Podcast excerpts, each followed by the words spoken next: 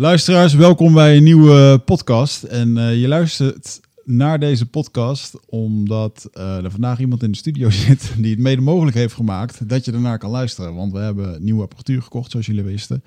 Er zijn al een paar opnames mee geweest. Maar vandaag hebben we de ehm, geestelijk vader van onze crowdfunding, van onze, eh, ja, van, van een nieuwe, hele nieuwe setup hier. Die, die hebben we vandaag in de studio. Bart ten Oever. Ja. Eh, ja, ten eerste, eh, voor de luisteraars die niet weten waar ik het over heb, we hebben een crowdfunding gedaan. eh, waarbij we direct podcasts kunnen editen. En we zijn echt een televisiestudio geworden hier. Mooie spulletjes zijn mooie spulletjes. Dat, Absoluut. dat kostte wat geld. En wij dachten, ja, weet je. ehm, en dat is misschien nog wel grappig ook. Dat maakt de cirkel ook wel een beetje rond. Want we zijn jou eerder tegengekomen, Bart, op de grote eindbasisshow. Daar was jij. En toen was jij als een van de eerste binnen. En toen zei je, jongens, jullie mogen wel eens wat vaker vragen. Alleen jullie vragen nooit. Want Klopt, als jullie ja. een keertje... Nou, goed onthouden. Ja, als jullie, als jullie dan een donatie willen, dan, dan, dan, dan zijn we ook wel eens een keertje wat binnengegeven. Volgens mij had je dan ook wel eens een keertje wat eerder wat gegeven, ja? Nee, je hebt één keer eerder opgeroepen en toen heb ik gewoon... Jullie maken zo- soms ook mooi spul. Ja, En dat vind ik gewoon wel geld waard. Ja. ja. En, ehm, en, en met dat in het gedachtegoed, maar ja, je bent dan toch ergens, wil je anderen niet te last zijn, voorzichtig zijn, kan het wel, lukt het wel. En op een gegeven moment dachten we, nou weet je, we gaan het gewoon doen. Eh, waarbij jij eh, je na een week meldde en zei van, eh, ik, ik ga dit fixen voor jullie. Ja. Dus laten we dat vooropstellen. Mijn allergrootste dank dat je dat wilde doen.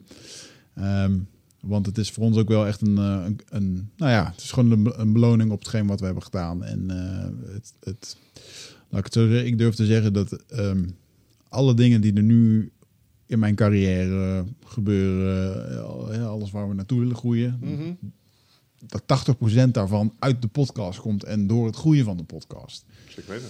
Dus Ja. ehm, mensen hebben vaak niet een idee. ehm, ehm, we, worden, we, zijn niet, eh, we verdienen geen geld met de podcast, maar het, het gaat er wel voor zorgen dat we al het andere kunnen regelen wat we willen, willen manifesteren. En dat komt toch wel eh, omdat de podcast gewoon heel veel draagkracht eh, krijgt. Ja. Ehm, mede dus door de fanatieke luisteraars die al jaren naar ons luisteren. Ja, nou ja, ik, ik vind dat jullie verdienen het ook gewoon. Dus het was ook mij eh, een hele makkelijke beslissing om dat te doen, omdat jullie zulke gave content leveren. Ja, Dat ik dat ga- eh, gewoon heel leuk vind om daar een bijdrage aan te leveren, jullie dat nog beter kunnen doen. Ja. ja. Ah, je zegt En dat, eh, je zei het gewoon- goed onthouden. Uh, dat heeft wel destijds indruk gemaakt op ons. Want en ik hebben het daar nog vaak over gehad. Dat we zeiden, weet je nog, hij zei gewoon, je moet er gewoon op vragen. Hè? Ja, wanneer gaan we dat dan doen? Hè? We moeten eens een keer... En d- daar hebben we nog best wel lang op gewacht ook. Omdat we, ja, Ja. kan het wel? En, dan- en uiteindelijk was het weer van, ja, maar weet je nog dat die, dat die ene doet? Dat zei tijdens Scheps. We moeten het gewoon, ja, we moeten gewoon doen. Zo ging het tussen ons. Dus eh, daar heb je wel ik een denk, kwartje ik erin denk gegooid. dat jullie rustig één, twee keer per jaar, weet je, zo'n beetje van november, vlak voor december, gewoon eens een keer kunnen vragen, joh, Ja. eh, we willen graag wat donatie van jullie hebben, omdat we nou, toch wel willen dingen doen, eh, kosten moeten maken enzovoort. Ja, Ik denk, jullie hebben zo'n grote ba- basis, die zijn echt bereid ervoor betalen. ja, Ehm, op de weg hier naartoe dacht ik, joh, als je een boek koopt, betaal je 20, 30, 40 euro. Ja. Weet je, dat, dat heeft een waarde, dat lees je en dat, nou ja, daar ligt een boek. Weet je, dat, dat koop ik zonder pardon. ja. Als ik twee uur naar jullie luister, er zit zoveel mooie content in. Eh, dan denk ik van, joh, dat, dat, heeft gewoon, dat is mij, mij in ieder geval wat waard. ja, ja. En eh, dat zet mij aan het denken. En eh, weet je, ik ben gestopt met, ik zit nou niet heel veel in de auto, maar de uren dat ik in de auto zit, luister ik altijd naar, naar, naar podcasts. Waaronder die van jullie, maar ook Ja. andere podcasts. En mijn- ik zeg wel, mijn auto is mijn leslokaal geworden. Autorijden was al leuk, maar is nog beter geworden. ja. Ik leer daar zoveel in de auto. En eh, met, ik ben met Spotify heel blij, want het staat gewoon keurig op volgorde. YouTube vond ik wat dat betreft eh, heel, heel ongeorganiseerd. ja. Mhm. Was elke keer zoeken naar de laatste podcast of naar eentje terug. En hier staat zo'n keurig. Als ik een nummer 100 wil hebben, hop, s- swipe omhoog. En ik heb een nummer 100 te pakken. Dus dat is, eh, eh, ja, weet je, dus we leven in zo'n mooie tijd als je kijkt wat er aan podcasts te luisteren is. ja. Eh, geweldig. Welke, welke luister je er nog meer? Eh, van, eh, van Jeanette luister ik heel veel. Eh, hoe heet ze? Hoe heet ze ook weer? Transformatie. Transformatie podcast luister ik. De podcast van eh 100% Inspiratie. Mhm. Over spreken gesproken. Een hele gave podcast voor mensen die het podium op willen. Hm. Eh, Kennen jullie alweer het? Nee. dus, eh, een, he- een hele grappige zat erin bijvoorbeeld. Ik zei net tegen jou, eh, voor spreken moet je bijvoorbeeld geen koffie drinken. Mhm. Want koffie geeft een bepaald slijm in je mond, waardoor je meer gaat slissen. Ja. Dus je moet gewoon thee drinken of een zure appel bijten.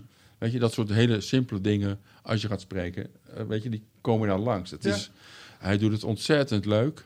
Eh, leuke energie, leuke onderwerpen. Eh, fantastische podcast om naar te luisteren ook. Ja, mooi. Moet ik eens Ja. induiken inderdaad. Ja, ja zeker uh, aangezien. En het grappige is, iedereen is bang om over dat uur heen te gaan. En jullie doen gewoon in de regel twee uur. Mhm. Weet je, ik vind het prima als het, als het boeiend materiaal is. Ja. Eh, prachtig. Ik, eh, twee jaar geleden reed ik naar eh, Berlijn toe, een podcast van vijf uur. Ja. Ja, Fantastisch, ja, weet je. Als het materiaal goed is, ja, dat is dan het. is tijd eh, niet belangrijk. En ik, ik heb ook zoiets van, eh, want er zeggen best wel veel mensen, hè, van denk je nou echt dat, dat, dat, eh, dat iedereen iedere keer luistert naar die aflevering? Nou, dat hoop ik niet. Want, eh, Ja, ik zei net nog tegen hem, hij zei, ik heb ze allemaal geluisterd. Joh, wat doe je zelf aan? en, en ik weet dat er die uitzonderingen zijn, maar ehm, eh, eh, omdat ze het concept leuk vinden of gewoon een hele brede interesse hebben. Maar hetzelfde bij een Joe Rogan. Ja, ik krijg dat niet meer bijgebeend, eh, want ik, ik zit niet meer veel in de auto. En dat is wel grappig dat je dat zegt, want ik luister dus eigenlijk best wel weinig podcast. Want als ik werk, dan moet ik stilte hebben. Ehm, als ik niet werk, dan heb ik of mijn dochter of een vriendin waar ik iets mee moet doen. Ehm, of Michel. Ja, en dan blijft er weinig tijd over. heb ik? Ja. En, eh, eh, dus ja, dat, ehm, eh, maar als er echt een toffe gast is, ja, dan, eh, dan, dan luister ik gewoon twee uur naar Ja, of en drie dat, uur als in dat dat moet. opzicht zijn wij eigenlijk, als je het vergelijkt met de podcast waar ik zelf naar luister, best wel underachievers. Joe tik met gemak vier uur aan. Laatst vertelde ik, ik had een eentje van Choco van vijf uur en veertig minuten gewoon zitten luisteren. ja. Ge- En tot op de minuut gewoon gefascineerd, hè? Maar dat kunnen we nu wel doen. Ik bedoel, eh, Nu, ja, nu. ja, Ja. we een regisseur die heeft gewoon een vast bedrag. En, eh, de apparatuur heb je ook, dus ik ben zo klaar, joh. Geweldig. Ja, Ja, we- weet je, als, je- als, je, als je nadenkt wat mensen in de auto doen. Weet je, luister heel veel radio. Dat is Ja. zoveel, zoveel bullshit komt er voorbij. ja, weet je, allemaal presentatoren die zichzelf belangrijk vinden. Weet je, en dit is gewoon leermateriaal. En, en het beste voorbeeld in deze categorie is misschien Dan Carlin wel. Die eh, Amerikaanse geschiedenisleraar. Die praat gewoon drie uur lang. Doet hij wel voorbereid. Bijna alsof het een soort van optreden is. Maar die bereidt gewoon een stuk over de, over de Eerste Wereldoorlog voor. Of eh Genghis Khan. Joh, en die vertelt, ja, je ziet gewoon de paarden door de kamer heen stormen. Dat doet hij echt goed. Ja. En ehm, ja, ik denk dat er zoveel mensen zijn die echt wel een mooi verhaal hebben. Om Daar gewoon even rustig 2,5 uur voor te zitten. En, eh, maar het wordt, het, ja, ik ben blij erbij dat het heel erg onderschat wordt. Podcast Ah, je, je merkt het ook. Hè? Het is iets waar jij daar straks al even naar refereerde in het, eh, in het gesprek hiervoor. Als mensen komen hier, of in een ander formaat, waar ze merken dat het niet binnen die magische 60 minuten grens moet zijn, of eh, nog korter, en dat het op de soundbite zit, ehm, dan ontspannen ze. Ja. En, en dan merk je, dan komt er ineens een stukje diepgang en dan komt er wat rust in het gesprek. En de mooie juweeltjes, valt mij altijd op, die komen pas na het eerste drie kwartier of zo. Eerst is nog even aftasten, het standaard spiel, en dan heb je dat gehad. En dan kun je als het ware kun je een, een laagje dieper gaan met en dat is het leuke van, van, van die podcast, van, van jullie maar ook van anderen. Weet je, er is ruimte om gewoon tijd te nemen om iets uit te diepen, om er Ja. meer over te vertellen. Weet je, het hoeft niet, eh, het hoeft niet, hoeft niet geëdit te worden, het, het hoeft niet in 10 minuten te verteld te worden. Ja. Eh, weet je, je hoort vaak het verhaal erachter. Dat maakt het gewoon, eh, ja, wat mij betreft, ontzettend boeiend Ja. Naar te luisteren. Dus eh, Wat mij altijd aansprak is dat Joe Rogan die deed dat altijd. eh, ze releasen het warts and all. Dus voorheen als je dit ging doen, dan moest het een bepaalde gepolijste, gelikte view hebben. Weet je wel, dan, als je dan naar de talkshows op tv dacht. Ja. En hij liet gewoon zien, daar gaat het helemaal niet om. Die presentatie is echt secundair. Het gaat om de content, het gaat om de inhoud. En dat vond ik echt Ja. fucking fascinerend. En, en in het laten zien van bijvoorbeeld, we hebben hier ook wel eh, slip-ups. We hebben wel eens een keer vastgelopen in een podcast. Hebben we gewoon in laten zitten. Snap je? Dus, Ja, ja, ehm, maar dat en, vind- en dat is oké. Ja. Ja, wat ik wel belangrijk vind is dat het geluid moet goed zijn. Want ik ken ook een Ja. paar podcasts, weet je, die hebben dan heel, heel slecht geluid.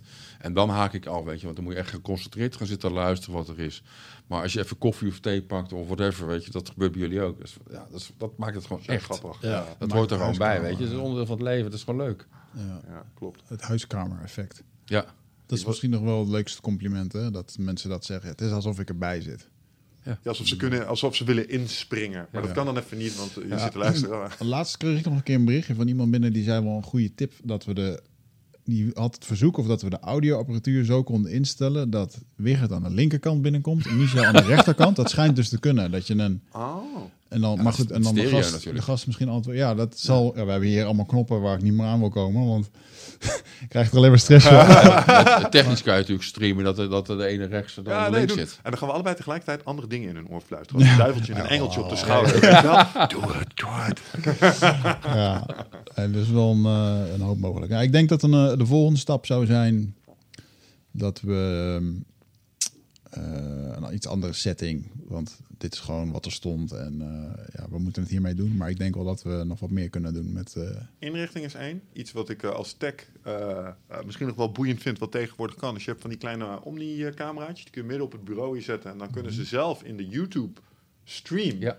kunnen ze gewoon zelf dat ding kunnen ze bekijken. Want die neemt 360 op. Ja. En dan kun je gewoon Kun je een soort zelf, panorama kun je Ja. er doorheen. Dan kun je naar Wigget eh, of. En dat lijkt me ook fascinerend. Maar dat werkt misschien alleen bij live. Maar niet zoveel mensen hebben dat nog. is fair. Ik verwacht Ja, dat er een moment komt dat je met zo'n bril gewoon, dan zit je er als het ware, zit je, zit je daar. En dan kun je Ja. het gewoon Ja, zien. aan de andere kant, weet je, ik luister mijn podcast alleen maar in de auto. En dan ga je niet met de VR-bril op zitten, is wat je zegt. Ja, ah, die snap voor- ik. Ja. Er valt niet voor te zeggen om dat vooral niet te doen. VR ook. Jij hebt Ja. ook nog geen Tesla. Ja. Nee, voorheen keek ik wel op YouTube, maar ook dan luister ik alleen maar. ja. Want YouTube was, voor mij was dat de enige kanaal in het begin. Ja. En nu, nu ben ik, eh, dus toen moest ik wel YouTube opzetten, maar ik keek nooit. Als een keer een fragment of zo, als dat een uitleg was. Ja. Maar nu is het, eh, dus ik vraag me af, eh, waar, kijken, me- waar, lu- waar kijken, waar luisteren mensen het? Ja, Nou, iTunes. Voor mij, is voor mij is het echt een autoding. Als ik, als ik het voor, voor het bekijken, wat, doe ik, wat eigenlijk nu mijn doel is, want ik zou uiteindelijk, ja, ik denk wel dat eh eindbazen de richting opgaat van echt een mediabedrijf. Ehm, verkopen, maar ook produceren dus van nog meer media of documentaires of voor mezelf. En wat ik dus zie bij, hadden het net over London Real, die dat eh, Picture Perfect doet.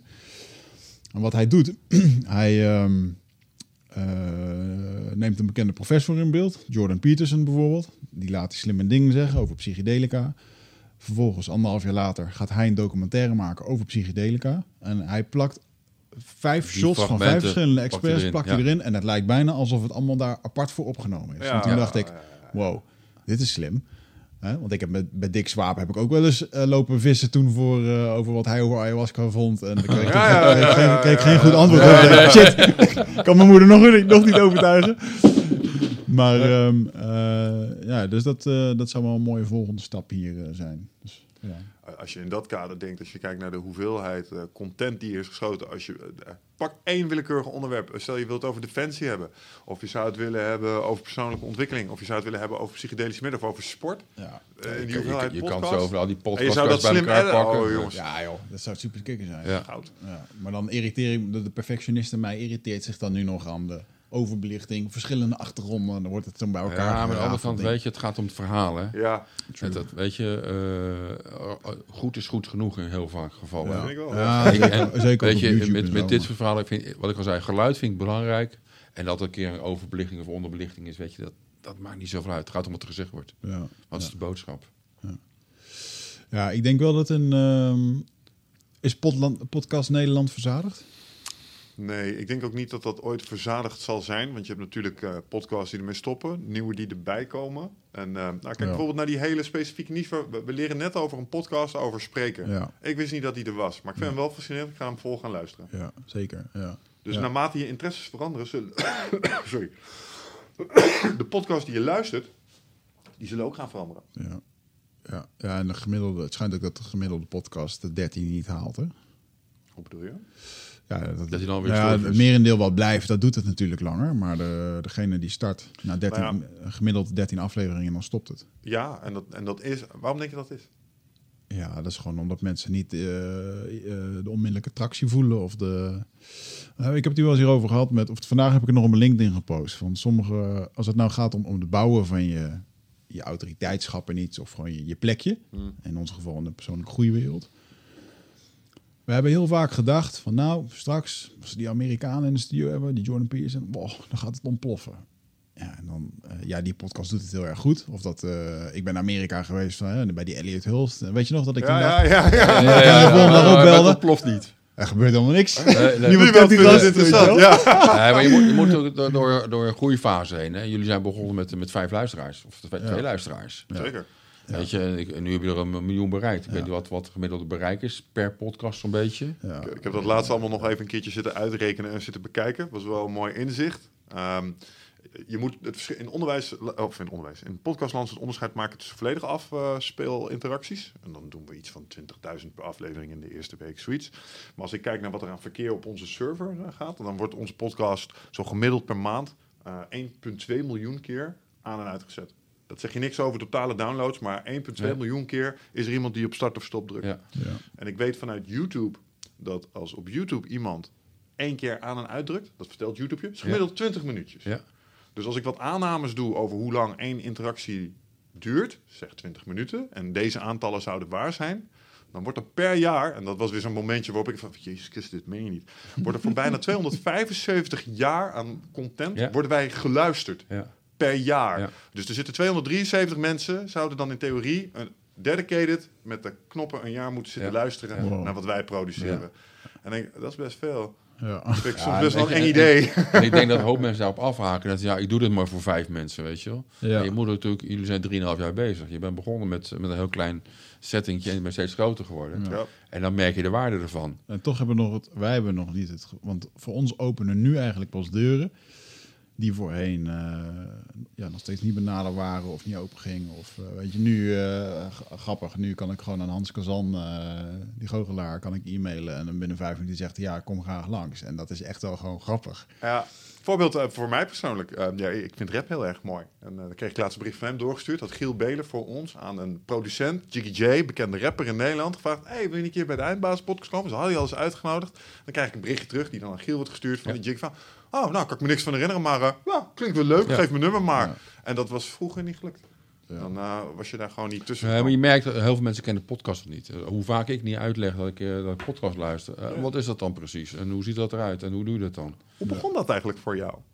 Dat is Eh, wel early ja, volgens mij gewoon eh, per ongeluk een keer dat ik het ergens tegenkwam. En, ja, eh, en, en dan eh, luister en denk ik, oh, dat is interessant, weet je wel. Dus je weet te, te, te zoeken op internet en dan kom je zo'n podcast. Hé, dat is grappig. Oh, dan ga ik even in de auto verder luisteren. En zo ben ik eigenlijk in die podcast, eh, jaar, ik denk al een jaar of vijf geleden, inge- ingerold. Ja. En- En wat in, in jou maakte dat je bijvoorbeeld het onderwerp persoonlijke ontwikkeling zo fascinerend vindt? Als ik kijk naar de podcast die je luistert, daar zit wel een bepaalde uh, er is een trend in te spotten, denk ik. Heeft allemaal te maken met groei, ontwikkeling, dat soort dingen. Ja. Uh, niet iedereen zit daar ook evenveel op te wachten. Dus ik kijk naar mijn persoonlijke vriendengroep. Niemand luistert die naar. Waarom? Vinden ze het echt niet Nee. fascinerend? Ja, eentje, Joost, shout-out aan Joost, die Ja. luistert ze. Ja. Maar de rest niet. Um, maar jij hebt er wel een interesse in. Nou ja, op, op eh, een moment in mijn leven ben ik ermee mee in aanraking gekomen na, mijn- na mijn eerste eh, scheiding, tenminste eh, uit, van, uit elkaar gaan van mijn vriendin. Eh, een beetje in therapie gekomen en vanuit daar eh, gaan kijken wat, wat gebeurt nou in je leven. Oh. Wat boeit je nog? En vanuit daar ben ik veel meer in de persoonlijke ontwikkeling gekomen. Ja. Van waar loop je tegenaan? Eh waar zitten groeipaden in? Mhm. Eh, hoe, hoe, hoe kan je jezelf verbeteren? Eh, Maar eigenlijk daarvoor al, toen ik daar bewust van werd, ik las al heel vroeg eh, boeken van Wayne Dyer. Oh ja. Zeg maar niks. Ik voel me nu even Nee, maar een dat is ook eh, eh, een van de grootste Amerika de eerste Amerikaanse die, die heel groot geweest is op het gebied van persoonlijke ontwikkeling. ja. En dat las ik al, dat vond ik leuk, maar ik wist niet waarom ik het las. Niveautje Oprah, maar dan mannelijk. Ja, eh, Tony Robbins. Ja, Ah. Tony Robbins, eh, de voorloper van. Tony Robbins eigenlijk. ja, ja. ja, ja. En eh, al heel vroeg NLP gelezen. Eh, gewoon mijn aanspraak me nooit bewust geweest van wat, wat kan ik ermee. Maar wel die, eh, datgene wat erin staat in mijn mindset gebruikt om eh, vooral heel veel heel positief te denken en positief te ontwikkelen. Ja. En eh, begrijpen dat je daar invloed op hebt. Ja. Dus eh, weet je, een van mijn motto's is je moet niet alles geloven wat je denkt. Ja. En als, is je daarvan, als je daar bewust van bent, dat je, oké, maar wat denk ik nu echt? Is dat dat waar? Weet je, en als je daarmee aan de slag gaat en eh, eh, bewust ervan wordt, weet je, dan kan je hele mooie stappen van maken. Ja, ja, als je... En dat, en dat is gewoon super gaaf als je dan in staat bent om jezelf eh, zeggen, daarmee vooruit te gaan, vooruit te helpen. En daarmee we zeggen, dingen op je af te roepen. Ja. Weet je, fascinerend. Ik, sinds een paar jaar doe ik, doe ik regelmatig korte meditaties. Aha. En ik heb echt op, op, op in, in, zeker in de begintijd van mijn bedrijf gehad, eh, dat ik geen afspraak had. En ik zat, ik zat te mediteren op zaterdagmorgen. Let, en weet je, van echt eh, met een, eh, juiste intentie het gevoel hebben van, oké, ik moet vandaag afspraak hebben. En dan een paar keer achter elkaar gebeurt, hè. Een minuut later gaat de telefoon. Ja. Wil ik weer even een afspraak maken. Ja. Dan denk je, holy fuck, wat gebeurt hier, joh? En wat is dat dan? Denk jij? Ja, een stukje universum eh, wat, wat zich afstemt met jou om, om eh, eh, dat het op je afkomt. Dus manifesteren door, Het- door denken. Ja, gewoon puur door denken. En dat is niet één keer gebeurd, hè, meerdere keren. Ja. Als je de podcast luistert, weet dat ik dat altijd lastige onderwerp... Dat ik Ja, ja, dat weet ik. Ja, hè? ja, ja, ja. Dus ik, ben, ik heb dat wat weet ik, vragen dat nu. weet ik.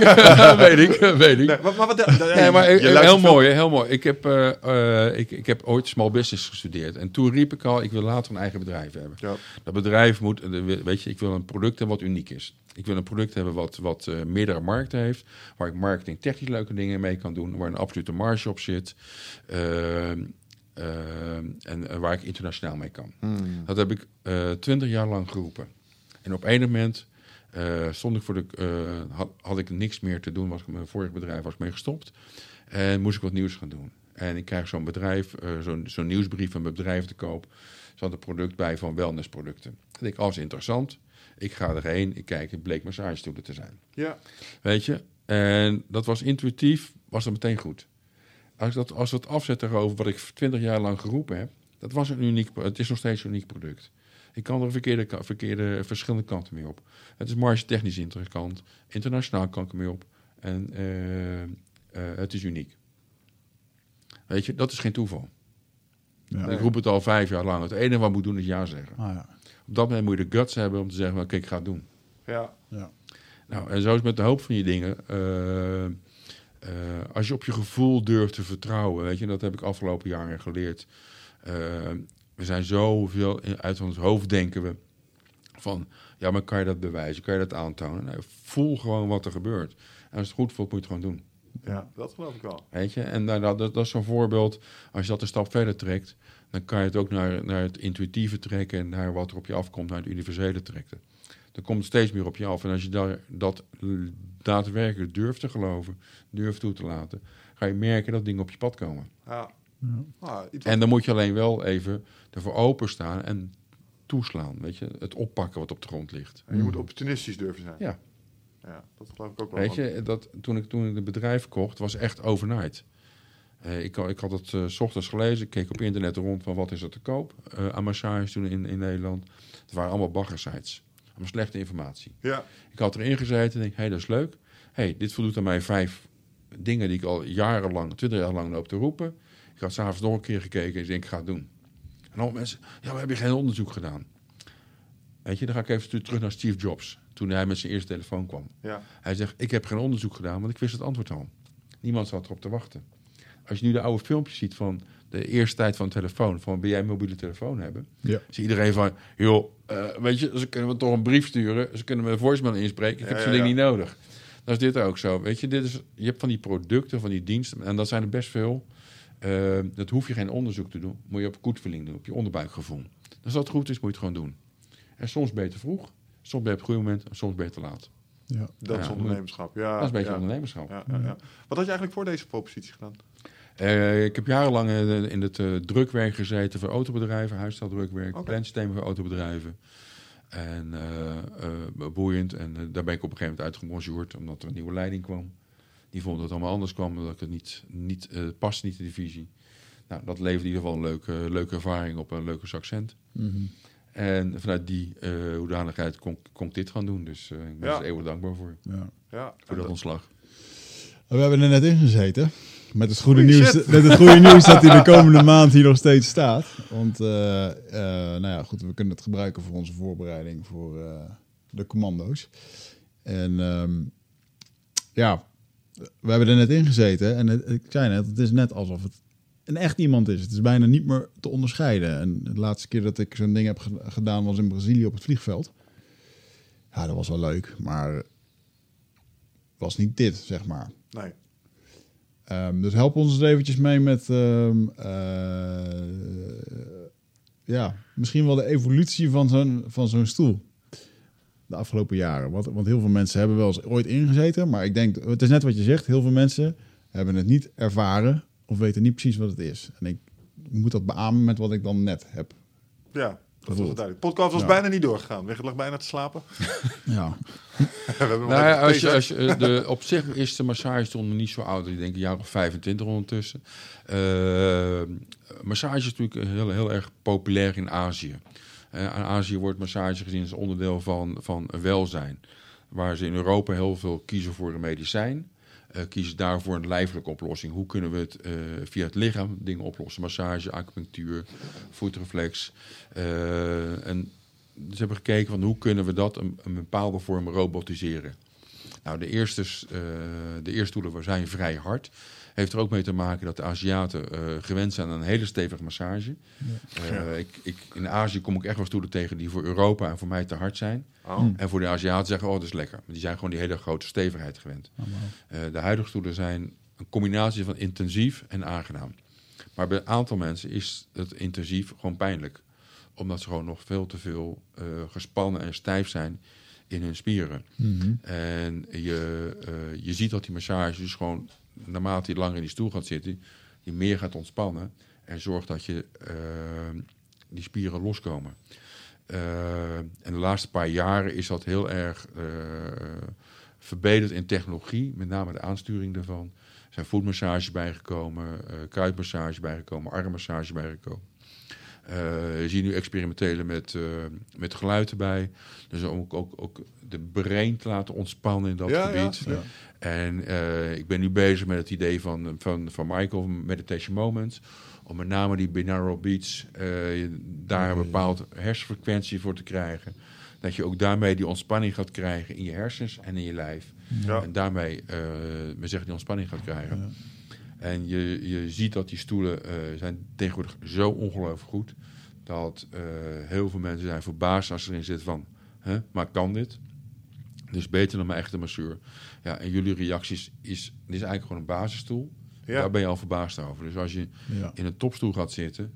Weet je, dat is, eh, dat is echt verbazingwekkend wat er gebeurt. Hoe mensen ook emotioneel daarin kunnen ontspannen. Ja, wacht even. Dat heb ik me dan eigenlijk onvoldoende gerealiseerd. Want dit is in dat opzicht eh, een startmodel. Je hebt er nog een aantal, dat zijn luxere en betere versies nog dan deze. Want als je dit ding ziet, dan denk je, wauw, fancy Ja. ding. Ehm, maar als je het in auto's vergelijkt, dit is niet de Ferrari nog niet eens. Dus, nee, dat is gewoon de Volkswagen. Wauw. Volkswagen, de, de Golf.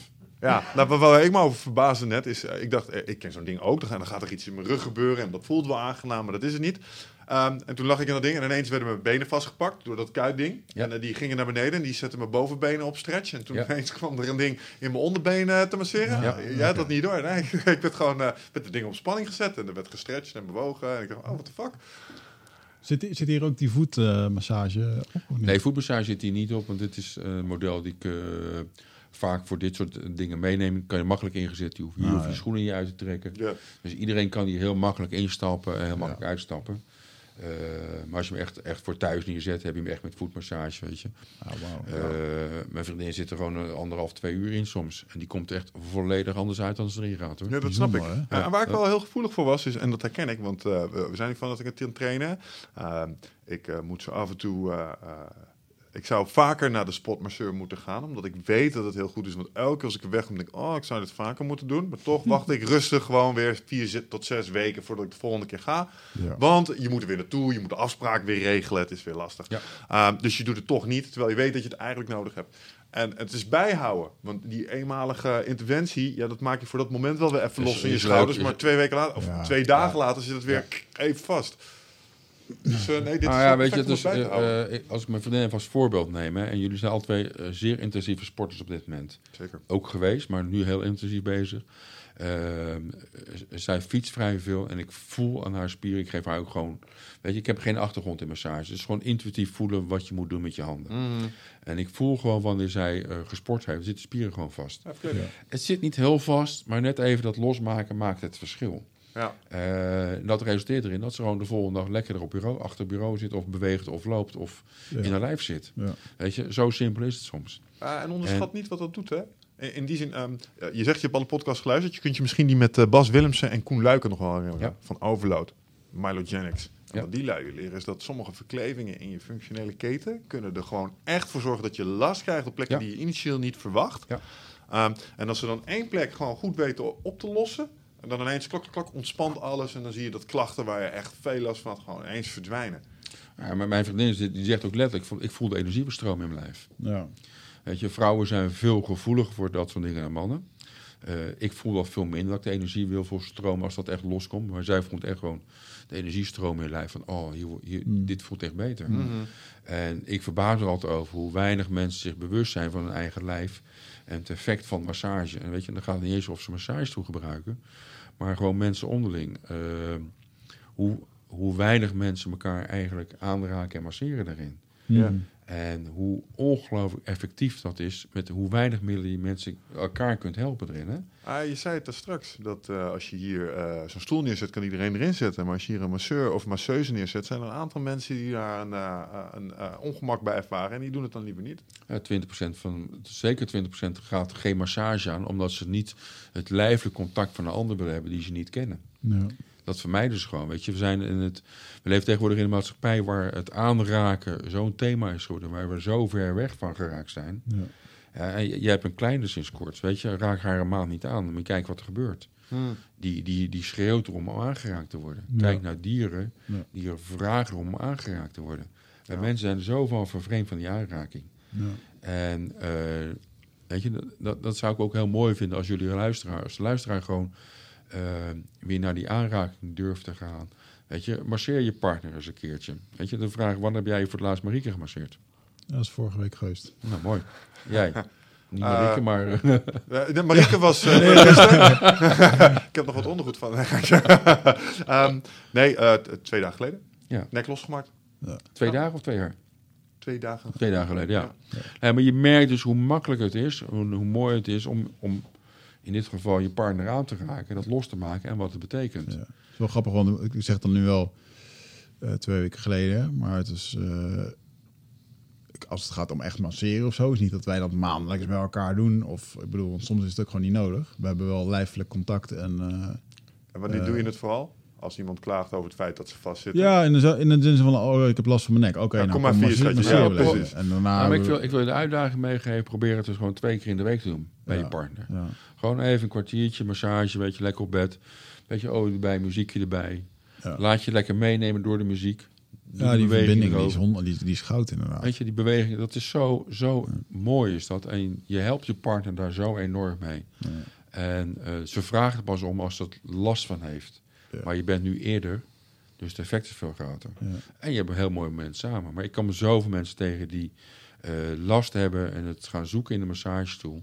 Terwijl ze het eigenlijk prima samen kunnen doen. Maar ze zeggen, ja, ik heb er geen... Ik hoor zoveel mensen, ja, ik heb er geen zin in. Ja. Weet je, dan heb je samen een relatie. Denk je, ja, maar waarom doe je, neem je niet even een momentje ervoor om elkaar te helpen? Maar ook gewoon in de relatie, intimiteit. eh, raak elkaar gewoon even aan en help. In Ja. dit geval, vrouwen zitten veel sneller vast dan mannen. Maar help je partner mee. Ja. En hoe mooi is het om, om je partner even aan te raken, een kwartier lang. Ja, zeker. 20 minuten lang. Jij moet eigenlijk therapeut worden, dan moet je dit vertellen. En als ze dan zeggen, ja, maar dat doen we niet, dan zeggen nou, dan heb ik een mooie stoel. Juist. Ja, dat is- Mooie upsell. Nou ja, nee, maar goed. Het, leuk, het, het aardige ervan is dat ze toch wel bij die stoel uitkomen, omdat ze er zelf geen zin in hebben. Ja. Ah, ik heb ehm, f- in de boeken van Robin Sharma, Canadese eh, Tony Robbins, eh, heel erg op eh, ehm, ja, dat daadwerkelijk eh, je neuro, zeg ik dat, neurofysiek of je neuro, ehm, Wat wil je zeggen? Wat, wat, wat- ja, wat- jezelf veranderen door, eh, door te denken, door te visualiseren, door daadwerkelijk je gevoel te veranderen. Wil je zeggen neuroplasticiteit? Dat, ja, daar is hij een beetje de koning in. En eh, hij adviseert, eh, eh, hij heeft dan ook zo'n boek over wat miljonairs doen. De succesvolle mensen. Aha. En eh het komt inderdaad voor drie keer per week ligt hij op de massagetafel. Alleen eh, toen dacht ik, van, ja, oké, nou dat wil ik ook wel. Vond ik best wel prijzig, want... ehm, Ja, je bent zo eh, 60 euro per uur kwijt. Ja, dan vond ik het wel prijzig Dus de worden. afspraak. Eh, plus de afspraak De en de tijd. ja. En drie keer per week. En dan, nou, dan zou dat eh 12 keer of 16 keer eh, per, per, per maand zijn. Eh, dus toen had ik een andere oplossing. Ik denk, nou, dan gooi ik gewoon eh, mijn verzekering omhoog. Dat ik eh, 30 keer naar de fysio kan.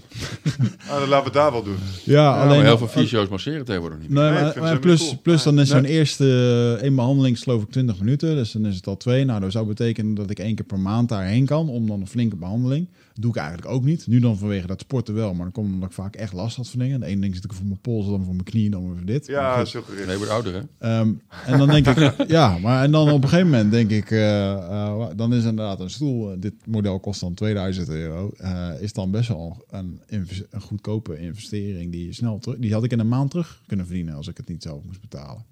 Bij een, Als je drie keer per week was geweest aan 60 euro, Ja, dan had je dat niet in een maand gedaan, maar zeker binnen een half jaar.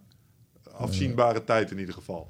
Dan gaan we het Nou ja, uitrekenen. Ah, 60 zo. keer 3 keer 4 is geen 2000 volgens Nee, mij. nee, nee, maar dat, ehm, eh, wacht even. Praat door jongens. Ja, maar weet je, kijk, een van de punten is hoe lekker is als je, als je vanavond om tien uur zegt van ik wil even een massage voor het naar Ja. bed gaan. Ja, En dat gaat met een, met een echte masseur best wel lastig, want de meeste zijn dan gesloten. helpt het best slapen? Absoluut, want je zorgt voor Of zet dat je weer dingen aan misschien? Nee, nee, je, eh, je ontspant meer. Dus je Ja. gaat met meer ontspanning naar bed toe. Ja, Maar je ziet dat de meeste mensen gaan vanuit hun computer of vanuit tv eh, naar bed toe, Ja. of vanuit hun telefoon. Hebben dus al dat eh, blauwe licht op hun ogen gekregen in de hersenen. Zijn actief in de hersenen. En in de stoel lig je gewoon eh, redelijk gedachteloos. Of je gedachten worden in ieder geval minder. Op het moment dat je in die stoel ligt. Je Ja, lijf ontspant meer. Eh, weet je, als je hier vaker in ligt, je valt. Ik kan, ik kan rustig in die stoel in slaap vallen. Ja. Dus als je voordat je gaat slapen in die, in die stoel gaat liggen, is je slaap gewoon veel beter. Ja, je, bent, snap ik. je hele systeem is gewoon veel rustiger. Maar in 2,5 maand zou je dat dan eruit hebben, heb ik net eh correct Ja, berekend. maar oké. Dat is wel voorzien. Maar ehm dan Ja. nog eventjes buiten het feit dat, eh, want wij hebben het hier over hier. Ik denk dat een hele hoop mensen nu denken van ja, maar ga zo'n ding niet thuis neerzetten. Oké, prima. Maar denk eh, voor op het werk, bij mijn vorige kantoor, bij zo'n IT-club waar iedereen met die schouders de hele dag zo zit te tikken. Daar zitten gewoon 30 man. Ik weet nog dat daar een masseur werd ingevlogen en dan mocht je je inschrijven. Dan Ja. was gewoon een wachtlijst. Nou, als je die stoel neerzet, dan eh, kunnen ze lekker gaan wanneer ze willen. Maar tegelijkertijd, ik had een veel groter ding in mijn hoofd. Die er straks zei van, ah, hij heeft er een meegenomen. Die kunnen we hier even inzetten. Ik denk, jezus, dat wordt een exercitie, jongen. Krijgen we dat ding die lift? eh, pap, pap. Ah ja, pap, je zou- had hem gewoon uit de... Ja. Je haalde hem zo uit, de, Uit je wagen. ja. Hij stond... Ja. Nee, het, ze- zijn goed te verplaatsen. En nou, je kunt hem in de meeste... Nou, ik zou hem Ja. niet centraal in mijn kamer neerzetten. Maar er zijn wel plekken in mijn huis waar ik hem kwijt zou kunnen. Dus Z- eh, Zullen wij ook van die stoelen gaan verkopen? ik denk dat, ja, dat eigenlijk wel een goed idee is. Ah, maar je ziet ook steeds meer werkgevers die dat eh, voor medewerkers neerzetten. Ja. Als je kijkt rondom het eh, thema vitaliteit bij bedrijven, dat wordt steeds populairder. Steeds Ja. meer mensen geven er aandacht aan.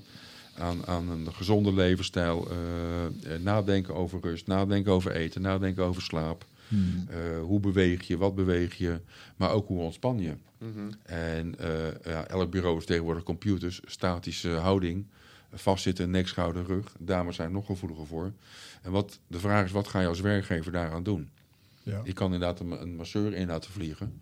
Eh, is een vrij kostbare oplossing. En dan, eh, voor één jaar budget koop je vier van die stoelen voor. Ja. Eh, maar vooral, eh, je kan erin gaan zitten wanneer jij het nodig hebt. Als je nu last hebt, en ik ken een manager in de zorg, die is vrij alert op eh, wat medewerkers zeggen. En op het moment dat zij merkt dat één collega zegt van, ik heb last van mijn rug, dan zegt ze gewoon, joh, je gaat nu in die stoel zitten.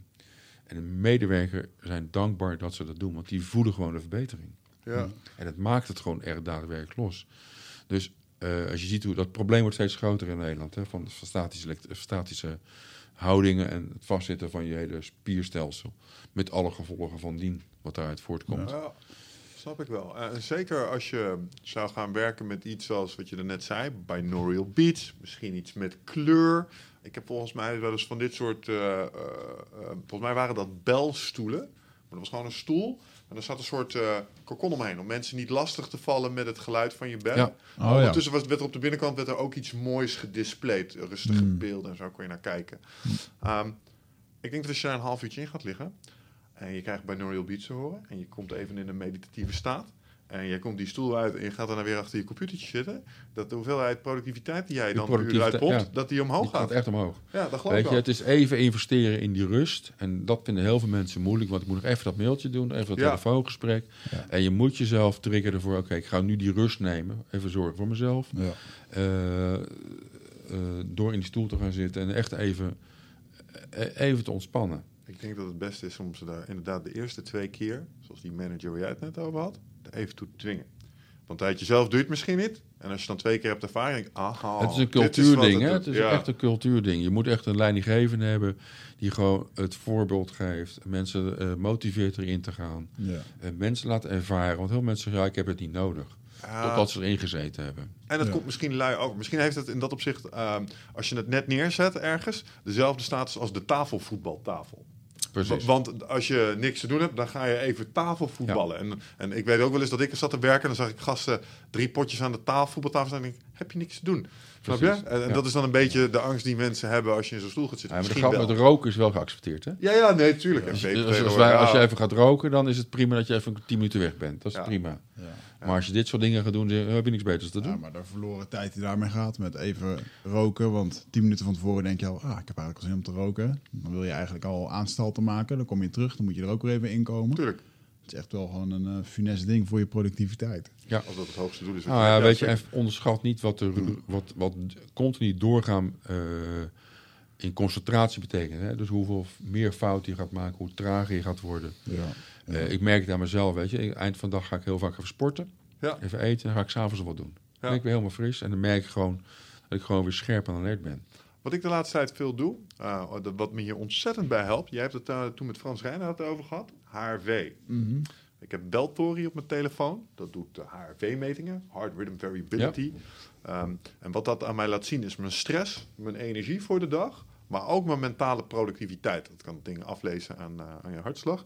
En dan krijg je bijvoorbeeld, dan meet dat ding, oh je zit onder de 50% productiviteit, dus je hersenen zijn moe. Doe even dit. En dan krijg je of ademhalingoefeningen, Ja. of oogyoga, of wat dan ook. Mm. En, dan, en dan zeggen ze, oké, ga doe dit maar even. Meet 10 minuten later nog eens. En dan, dan doe je die dingen. En dan zie je gewoon dat in die 10 minuten, door een kleine interventie, komen er andere resultaten uit je HRV-meting. Bizar. Dus dat heeft een per direct effect. Dus eventjes dat doen. En misschien voel je het zelf wel nog niet, maar je hart het direct door. Dus die reageert meteen erop. Ja. En dan, en dan ja, de, de, die geeft van, ah ja, je kan je beter concentreren nu. Uh, door iets kleins. Uh, bijvoorbeeld, uh, ja, wat ik al zei, oogyoga. Of Ja. uh, neusademhalingen. Ene neus in, andere neus uit. En ik denk dat zo'n stoel daar perfect in past. Ja. Maar ja, vergeet niet, hè, wat, uh, dus dat is de, zeggen, de, de, de buitenkant, hè, dus de ontspanning die je hebt. Hmm. Maar wat het ook doet met je, met je hele lijf en systeem. Hè. Dus je leert gewoon weer eens even voelen wat er in je lijf speelt. Ja. Hè. Uh, zo af en toe komt in je laatste podcast ook, ga, ga even uit je hoofd, ga in je lijf. En uh, zo'n stoel is een van de methodes om meer je lijf te leren voelen. Wat speelt dus in je lijf af? Wat, wat voor knopen heb ik zitten?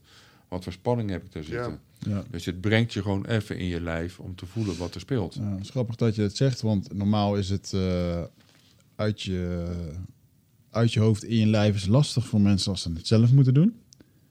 Want dan moet je gaan zitten of moet je gaan ademen of moet je misschien, uh, ja, ja, mensen vinden het lastig. Maar nu wordt het eigenlijk voor je gedaan. En wordt er eigenlijk een beetje door een extern iets aan overgelaten. En dat is op zich ook wel een, uh, ik zie daar wel de benefits van, ja. En het is wel grappig dat mensen ook gewoon echt emotioneel kunnen worden in die stoel. Ja, maar dat, dat er echt ja. emoties loskomen. Dat echt mensen in tranen raken door wat er aangeraakt wordt in je lijf, emotioneel gezien. Met wie hadden we het hier dan laatst over? Volgens mij, dat sluit aan bij waar jij net je ja, podcast over wij, wij, hebben, wij hebben het ja. daar toen over gehad. Ja. Alleen, um, uh, ik vond dat we daar toen niet... Uh, ik kon daar genoeg, niet genoeg over vertellen. Daarom heb ik er nog eentje zelf opgenomen. Ja. Dat is, ik weet niet of jij maar hebt geluisterd, maar... Hè? Ja, dat is die solo. voor het slapen gaan, jongen. die solo podcast? Ik val, in sla, ik val in slaap met jou in mijn oren. Die sla, die, heb jij die solo podcast nee, zitten luisteren? Maar ik ga hem zeker luisteren. Maar ik weet, ik ken, ik ken de strekking Ja, ook ja, ja. sowieso van Ja. het verhaal. Ik heb het boekje zien liggen, we hebben het er vaker over gehad. Maar uh, het idee was dat... Um, um, het daar met Giel over. Maar dat, dat, dat, dat als je bepaalde trauma's meemaakt... Uh, dat spanningen uh, worden opgeslagen in spieren. Ja. Bijvoorbeeld als je in een auto-ongeluk zit... gaan Ah, allerlei ja. reacties af vanuit de autopiloot. Maar stel je verliest Ja. Het bewustzijn... dan kan dit proces niet worden afgemaakt. Ja. En dan slaat het zich op in spanning in de spieren. En als je dat dan released... dan kan je ineens heel emotioneel worden. Ja. Ja. En Maxwell die noemde dat rolfing, volgens mij. Dat was het. Dat zie ik in de stoel gebeuren. Uh, je kan het ook met trillingen doen. Ja. Weet je, uh, zo af en toe doe ik met meditatie ga ik gewoon even liggen trillen.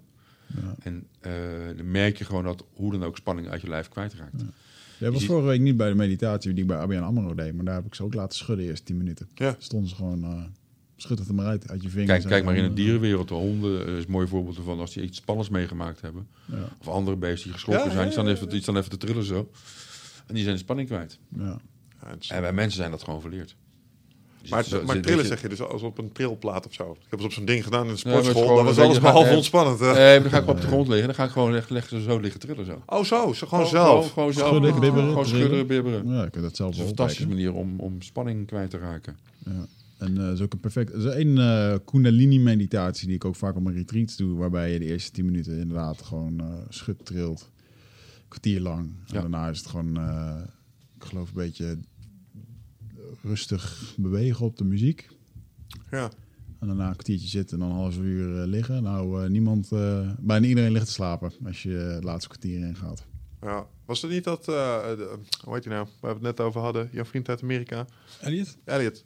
Die doet toch soortgelijke dingen, maar die activeert je dan vervolgens direct daarna ook heel heftig. En dan, Ja, maar het is een andere, andere vorm van dynamische meditatie. Ik heb deze inderdaad ook bij hem eh, Ja. voor het eerst gedaan. Ja. Ja. Deze deden we dan s'avonds voor het slapen gaan.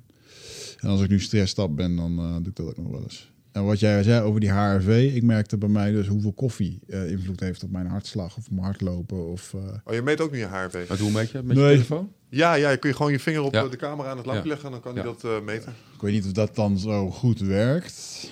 Maar ehm, ik merkte vooral in de hartslagmeter die ik, eh, en dat horloge, dat als ik koffie had gedronken, dan eh, ging ik gewoon hardlopen met een Ja, hartslag. dat zijn die mooie indicaties om je meer bewust te worden van je, lijf, van je, Ja, van dat- je lijf, van je lichaam, van je status van je zijn. Ja. En dat is natuurlijk gewoon mooi om, je- om daar veel meer mee bewust mee te zijn. Om te zorgen dat je gewoon veel gezonder kan leven. Ja. Ja, wat, wat dit ding eh, behoorlijk betrouwbaar maakt, is dat hij ook koppelt met je Strava bijvoorbeeld. En met je, met je daadwerkelijke Garmin. Eh, kijk naar je stappenteller van de telefoon zelf. Maar kijkt ook mede door je horloge dus naar je slaappatroon en je activiteitspatroon. En gaat correlaties leggen tussen je gemeten HRV en de Ah. dingen die je doet. En je kan tags meegeven. Dus als ik veel koffie heb gehad en ik meet daarna. Dan neemt hij dat mee in de afweging. En dan uiteindelijk zegt hij: Oh, hey, we zien elke keer dat jij ook koffie, cafeïne neemt. eh, dan gebeurt er even iets met je HRV. Dus eh, Ja. let erop. Ja. Minder koffie. Ja, slim. Ja, dus dat is Ja. wel grappig. Ja, quantified zelf, jongens. Mooi spel. Ja. Dat is mooi, hè? Ja, dus, ik, dus we Ja. kunnen experimentjes gaan doen waarbij we ons HRV meten. Na een, Nou, eh, ja, nou, na een ze- massage. Jazeker. Ja. Daar, wel- ga je echt van, daar ga je echt effect van merken. Ja. Ja. Ik vind het wel interessant, want we mogen hem dan nu even uitproberen. Ehm, wat wel heel interessant is, is dat je zei... eh, vaak gaan we naar de masseur als we last van hebben. Nou, daar ben ik ook schuldig aan. Mm. Ehm, ben inderdaad wel heel benieuwd. Nu kan ik inderdaad gewoon drie, vier keer per week in een ding. En dan kijken wat het, eh, wat het doet. En waarschijnlijk voel je je gewoon heel erg goed. Ja, ja, Weet je, in de eerste instantie is het probleem oplossend. En vervolgens is het preventief. is het onderhoudend. En als je het dan gewoon onderhoudt, dan merk je gewoon dat je lijf gewoon veel soepeler in elkaar zit. Om nog maar te zwijgen over je vermogen tot effort. Dus eh, het zou maar zo kunnen zijn dat je in je training plots meer kunt geven. Omdat je eh, fysieke gestel gewoon geoptimaliseerd is. Ja. Dus eh, je range of motion wordt beter. Daardoor wordt je prikkel beter. Als jij kunt squatten en je kan ineens diepe squatten. Dan wordt je trainingsprikkel Ja, dus anders. massages, kijk, wat, wat heel erg, wat je merkt bij de massage, heel goede afvoer van afvalstoffen. Mhm. Dat is natuurlijk heel belangrijk bij herstel van je Zeker. spieropbouw. En zeker als je in die trainingsfase zit, waar jullie niet in zitten, ga je dat heel goed merken. Maar ook als je in je algehele dagelijkse zijn, merk je gewoon dat je afvalstoffen opslaat. Ja. En we zijn niet meer gewend om in die beweging dat los te maken. Eh, als je ziet hoeveel mensen gewoon een passief leven hebben, Ja, weinig, te weinig bewegen, Ja. is dit natuurlijk een alternatieve manier om te zorgen dat je in ieder geval je spieren soepel houdt, de doorbloeding goed houdt, de afvoer van afvalstoffen goed op orde houdt, waardoor je, je lijf in ieder geval beter functioneert. ja. Ja, ze zeggen het wel eens. hè, Het zitten is het nieuwe roken in dat opzicht.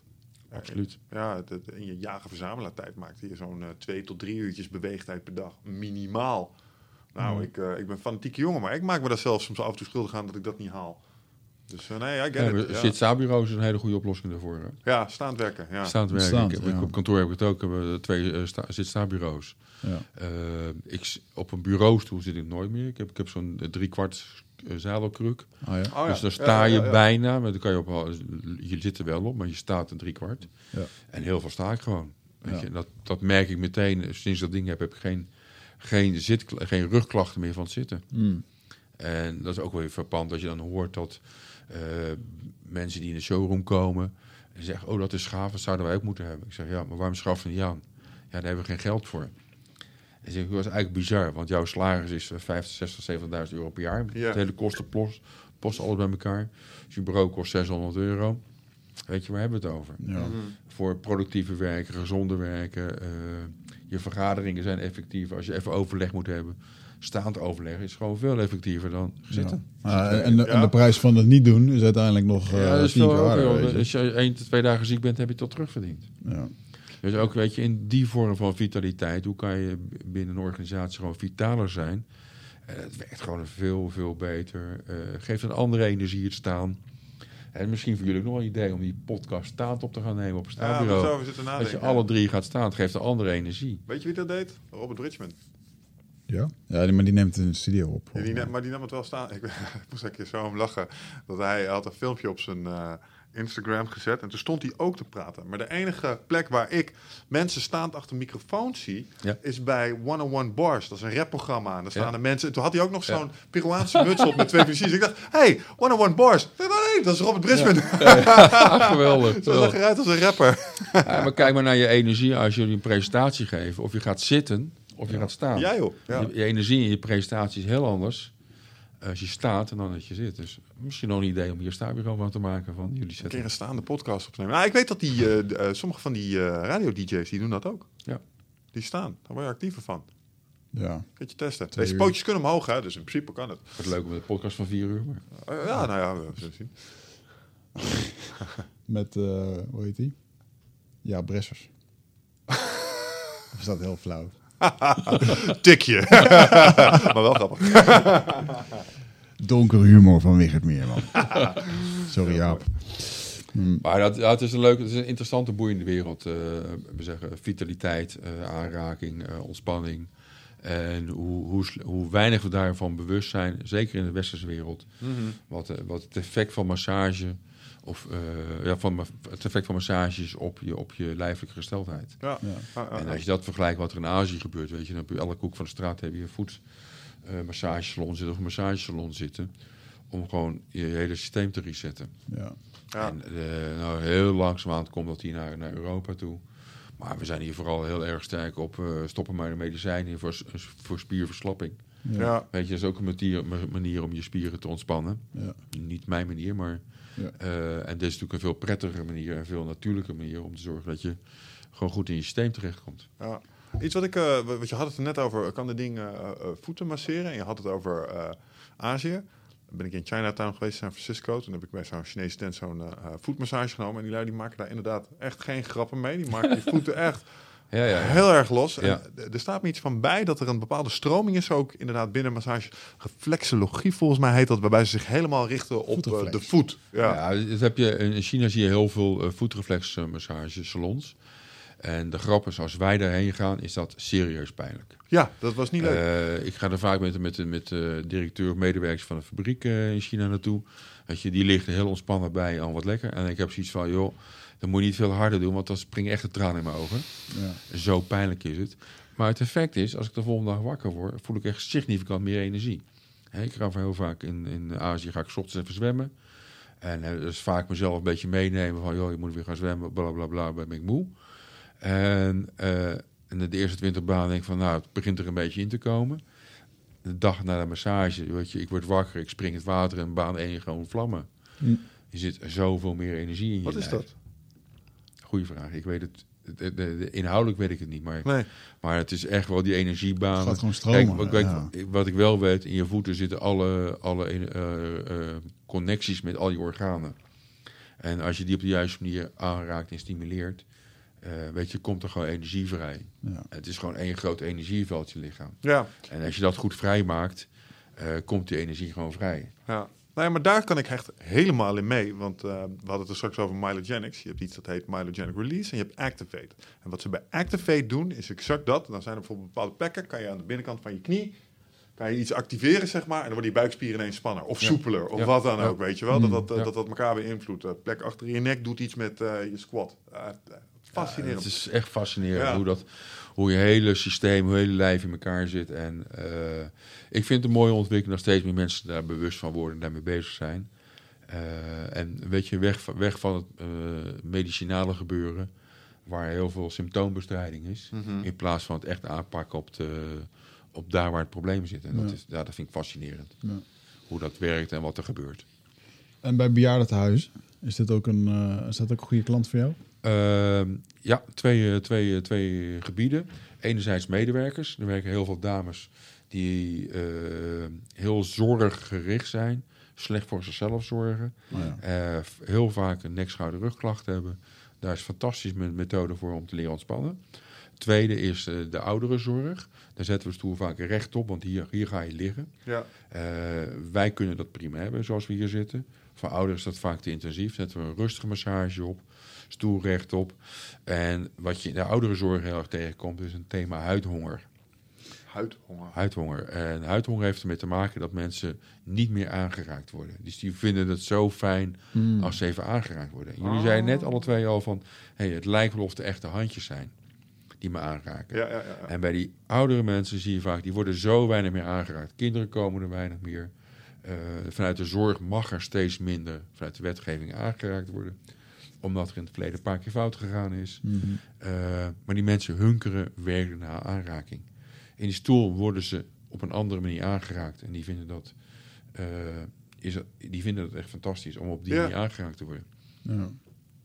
Wat een droevig woord eigenlijk. Ja. Als je er zo over nadenkt. Ja, het is, weet je, het is, wat dat betreft is het gewoon heel triest dat die mensen niet meer aangeraakt worden. nee, Bijna dat is dit echt perfect. Ja. En er zit een pri- prima oplossing van. Leuk als je dat weer... eh, soms, Ja. soms maak je wel eens wat bericht op Facebook ervan. Hoe dan de reacties daarop zijn van... Ja, belachelijk dat je dat met een machine moet doen... en niet meer aangeraakt kan worden. Dat is wel leuk als je dan weer de, de, de tegenpol hoort. Maar weet je, er zijn zoveel mensen gewoon gebaat bij... die eigenlijk gewoon in een kamertje zitten... Ja. niet meer aangeraakt worden, Ja, niks meer doen. nee. Maar ook gewoon letterlijk verstijven. Want ze zitten de hele dag in een stoel. Eh, Ze lopen een paar meter met een rollator of ze komen weinig meer buiten. Ook dit zorgt ervoor dat hun systeem weer geactiveerd wordt. Doorbloeding verbeterd wordt, rugspieren losgemaakt wordt. Ja. Mm. En even een moment van afleiding hebben. Ja. Vaak soms met een verwante erbij. Dus een ouder of een kennis die dan toevallig langskomt. Gaan ze lekker samen in de stoel zitten. Ja. Fantastisch. Het is wel wat je. Ik denk dat de, de menselijke hand ehm, ook iets unieks heeft wat niet na te produceren valt. Gewoon een uitwisseling van energie of van. eh, je voelt het wanneer iemand jou liefdevol aanraakt of niet. Ja. Of met een bepaalde intentie. Af en toe moet ik eraan twijfelen bij mijn fysiotherapeut Darius, als je dit hoort. Jij vindt het gewoon leuk om mensen pijn te doen. Dat is gewoon Dat statist voel ik die ook. de juiste baan gevonden heeft. Ja, precies. maar, maar eigenlijk is het gewoon een vorm van, eh, van biohacking. Eh, Is het ook? Ja, man. Ja, want we simuleren gewoon dat dat. eh, en ik vind, het wel inter- ik vind het een hele, hele interessante materie. Want voor een volgende boek, eh, wat op de, wat in- nog, waar ik nog niet aan het schrijven ben, maar waar ik wel eh, ideeën voor heb. De concepten al beginnen te gloren aan de Ja, is gewoon het. ehm, Het eerste boek is nog niet af, maar... Ja, Nee, dat, dat, daar bijna, bijna. Hey, oh, oh, oh, nog vier hoofdstukken, jongens. Oké, oké. En, ehm, eh, ik zat er wel aan te denken, oké, ik zou heel graag nog eens een keertje wat over waarom het stamleven nou zo belangrijk is. En één theorie waar ik onlangs van heb gehoord is de polyvagal theorie. Eh, excuseer als ik het fout zeg, maar poly natuurlijk meerdere en vagal betekent ehm, het, ehm, eh, ehm, het gaat over de vezels die in je lichaam zitten, die, waar, een, eh, waar een chemische reactie ontstaat op het moment als iemand je aanraakt. Hebben we het dan over pheromonen en zo? Ja, een- op, het, op het allerdiepste niveau van je vezels, van je cellen, gebeurt er al iets op het moment als ik jou vastpak. En eh, weet ik veel, als het een hand of een knuffel of, eh, of massage. Zag je mijn oorlel begint te likken. je En dan, eh, dan is dat inderdaad, en dan zal het nog meer gaan, gaan loeien. Maar ik, het is wel heel grappig. Dat, van de week zag ik weer zo'n documentaire over een Afrikaanse stam waar ze elkaar groomen. En net zoals gorilla's dat doen. Ja, ja, Gewoon eh, ja. elkaars haar een beetje schoonmaken. Ik weet niet wat ze er dan uithalen en zo. Maar, maar ik vond het wel... Maar dan, dan is het dus- voedsel, dus- voedselbron. in die cultuur is het heel normaal om elkaar aan te, te raken en te doen. En ehm, in Azië heb je dan weer een beetje de cultuur. Gaat dan meer richting eh, eh, wat andere. Maar daar is het ook wel. De, de, de, de sauna's zoals wij ze hier kennen, heb je daar niet. De sauna's in China is voornamelijk voor, eh voor management, dus, eh, directeuren, waar, eh, ja, waar je niet alleen bent, zeg maar. Om het zo even te zeggen. Oh, zo. Ja. Ja, ja, ja. is toch wel normaal om daar massages te krijgen en te doen. En, ja. Dus ik vind het wel een, ehm, ik vind dat een fascinerend onderwerp wat aanraking met ons doet. Ik denk Ah, dat weet we je, niet is, ik, vind zonder echt, ik vind het echt zonde dat we daar zo ver van afraken. Eh, en weet je, het is zo waardevol voor je, voor je lichaam, voor je lijf. Wat je zegt, wat het in, intern met je doet. Mhm. Eh, hoe, dat, hoe dat een positieve invloed geeft op je lichaam, gewoon de aanraking. Ja, maar, Weet je, maar, raak jij je kleine maar aan, kijk maar hoe ze reageert. Ja, Ja. ja. ja, maar ook gewoon vanuit eh, het... eh, Je kan ook precies zien 35 jaar later wie er niet aangeraakt is. Weet je? Ja, dat is echt zo. Ja, dat is echt zo. Ja, ja. ja. Ja. Contact, ja, of gewoon, eh, weet je, dat is gewoon, het is heel bizar dat ik weet nog wel in de tijd dat ik met mijn maatjes, dat we lekker uitgingen op vrouwenjacht, letterlijk. Dan, eh, dan kwam je af en toe gewoon in aanraking. Dan moest je eens om lachen met een paar vrienden. Van ja, eh, dan ging zo'n jongen mee naar huis en dan had hij daar gewoon een soort van rare interactie van iemand die eigenlijk helemaal niet, eh, niet lijfelijk was. Of helemaal niet dat niet fijn vond. Of daar allemaal dingen voor had bedacht. En dan denk je toch, ja, ergens, ergens is dat in jouw leven. Heb je dat zo gevormd? je? Ja, en je kan het ook overontwikkelen, bedenk ik me net. Want als je het hebt over maatjes, ik weet niet hoe dat bij jou en je vriendenkring ging, maar eh, vooral jongens die stoeien met elkaar. Dus die zijn dat lijfelijk contact misschien wel net iets meer gewend. En als vechtsporters heb je daar helemaal een, eh, eh, een handje van. Snap je? Want als je, als je kijkt naar de wereld waar wij uitkomen, ik denk dat wij iets makkelijker nog met aanraking omgaan Oh, als, de- zo, als ja, de gemiddelde. Ja, ja, Ja, je, herkent twee vechtsporters altijd bij Ja. elkaar, die staan te praten, die staan aan elkaar Ja. te trekken en Ja. een duwtje te geven. En, eh, Ja, maar je bent, je bent gewend om elkaar een contact met elkaar te hebben. Ja. Is weliswaar een iets andere manier, iets Ja. hardere manier, maar je bent dat lijfelijk contact bij jou al gewend. Ja. En, Maar je vindt eh, het niet zo erg als iemand in je zone zit. Nee. Dat is, eh, daar ben je gewoon iets meer aan Ja, dat is anders, is anders. Dat creëert ook wel de band. Ja, dat denk ik Dat wel. Ja, komt- als je, zeg- vaak gezegd, het komt gewoon, je hebt nog niet zwetend en bloedend op elkaar Ik gelegen. wil zeggen, als je de gemiddelde Nederlander bij iemand in de guard legt, dat vindt men ongemakkelijk. Ja. Want iemand slaat ineens zijn benen om mijn middel heen. Ja. En dat doet mij aan dingen denken en dat ken ik niet. En dat vind ik ongemakkelijk. Ja, Ja. die- Als je er niet anders gewend bent, ja, dan denk je, ja, fuck it, we zijn het vechten nu. Het zo grappig. Eén iemand die denkt, ik ga zijn arm eraf trekken. En de andere denkt, ik wil dit niet. Ja. Mooi. Ik denk wel dat een... ehm, eh, doe je zelf nog een beetje een sport of niet? Buiten dat? eh, veel mountainbike, Zwemmen, hoorde ik net. zwemmen. Eh, vanochtend nog lekker even gezwommen. Hmm. En lekker in de sauna gezeten vanochtend. Oh, dat is ook goed, man. Heerlijk. Eh, in, de, in Amersfoort ben ik lid van de Pelikaan. Ah, ja. Dus eh, kan je verschillende kanten op. Dus lekker zwembad zit erbij. Maar Ja. ook gewoon eh spinning fietsen, Ja, wat gewichten, van alles wat. Doe, doe je ook iets met deze dingen? Ik zit me net te denken, de, de combo sauna, massagestoel lijkt me ook geniaal. De meeste mensen, als ik naar sauna ga, ga ik daarna soms naar zo'n eh, gewoon naar masseur. Ja, dat, eh, dat, je komt het wel tegen. Alleen daar, daar, daar zie je de concurrentie van de echte masseur. En ik zie toch best wel veel saunas zeggen... ja, dat doen we niet, want we hebben een masseur in huis en dat concurreert. Eh, ik denk dat het een hele andere vorm is. Want als ik naar een masseur ga, moet ik 60 euro betalen. Ja, En als dit er staat, betaal ik 2 euro. want ze hebben daar wel van die, ka- eh, van die eh, rustruimtes. En dan zijn Ja. er allemaal van die matrassen en zo, waar iedereen dan Ja, je kan op prima een, een, een, een ruimte maken met Ja, massagestoelen. zet tien van die dingen neer en ik ga Ja. erin zitten hoor. Ja, maar het is een andere doelgroep. Hè. Eh, veel dagjesbezoekers die naar de sauna gaan, die hebben al een bedrag uitgegeven. Ja. En die willen best wel 2, 4, 5 euro uitgeven voor een stoelmassage. Mhm. Maar niet 60 euro voor de masseur. Nee. Dus dat een beetje, wat mij betreft, bijt dat niet. Het kan prima naast elkaar bestaan. Ja. Eh, en daarmee bied je wel extra service. Dus dat is een hele mooie combinatie Ja, om het bij ik denk elkaar dat te je als zetten. masseur dit ook niet als concurrentie moet zien. Dan moet je, ja, nou, misschien ben ik daar weer te puristisch in, maar dan moet je iets anders gaan doen. Nee, want de mensen die Ja. voor zo'n stoel kiezen, die waren sowieso niet voor jou gegaan. Nee, Maar nu hebben ze wel een massage, omdat het Ja, alternatief weet je, eh, het, er kan helpen om de volgende opstap te maken. Dus als je eenmaal die massage gewend bent, dan denk je, hé, maar dat is lekker. Ja. Eh, laat ik ook eens een keer een massage gaan proberen. Oh zo, ja. Dat zou ze ook maar zo Dus- nog eens een dus- business dus- kunnen helpen. Ja, hoor, dus zeker. Het kan, het kan zeker je business helpen om mensen eh, die opstap te laten maken naar een echte massage. ja. En dan moet je hopen dat je een goede masseur hebt. Want ik heb ook wel eens een keer eh, wat mas- massages gehad. Denk, nou, weet je, geef mij een stoel maar, maar die vind ik gewoon beter. ja. Ah, Want is- in Azië merk je echt wel dat daar een studie is voor massage. Maar als je daar masseur wil worden, weet je, is, is een, massa- een, een studie van vier, vijf jaar. En echt een serieuze opleiding. Ja, ja, ja. Eh, als wij masseur willen worden, weet je, we kunnen een, een weekstudie doen. Zijn we klaar met een diploma van masseur. ja. Eh, en daar merk je echt het verschil dat, ze, dat, dat de intensiteit goed is. Precies, de spierbewegingen goed maken. En hier heb je zoiets van, hier in Nederland heb ik nog wel eens een keer van... En wanneer ga je beginnen? ja. Het is meer een eye-sessie, Ja, ja, ja. weet je. En dat hoeft voor mij niet. Hmm. Hey eindbaas luisteraar, dankjewel dat je zit te luisteren naar deze podcast. Ik onderbreek hem eventjes voor een hele belangrijke boodschap. Of misschien liever gezegd een uitnodiging.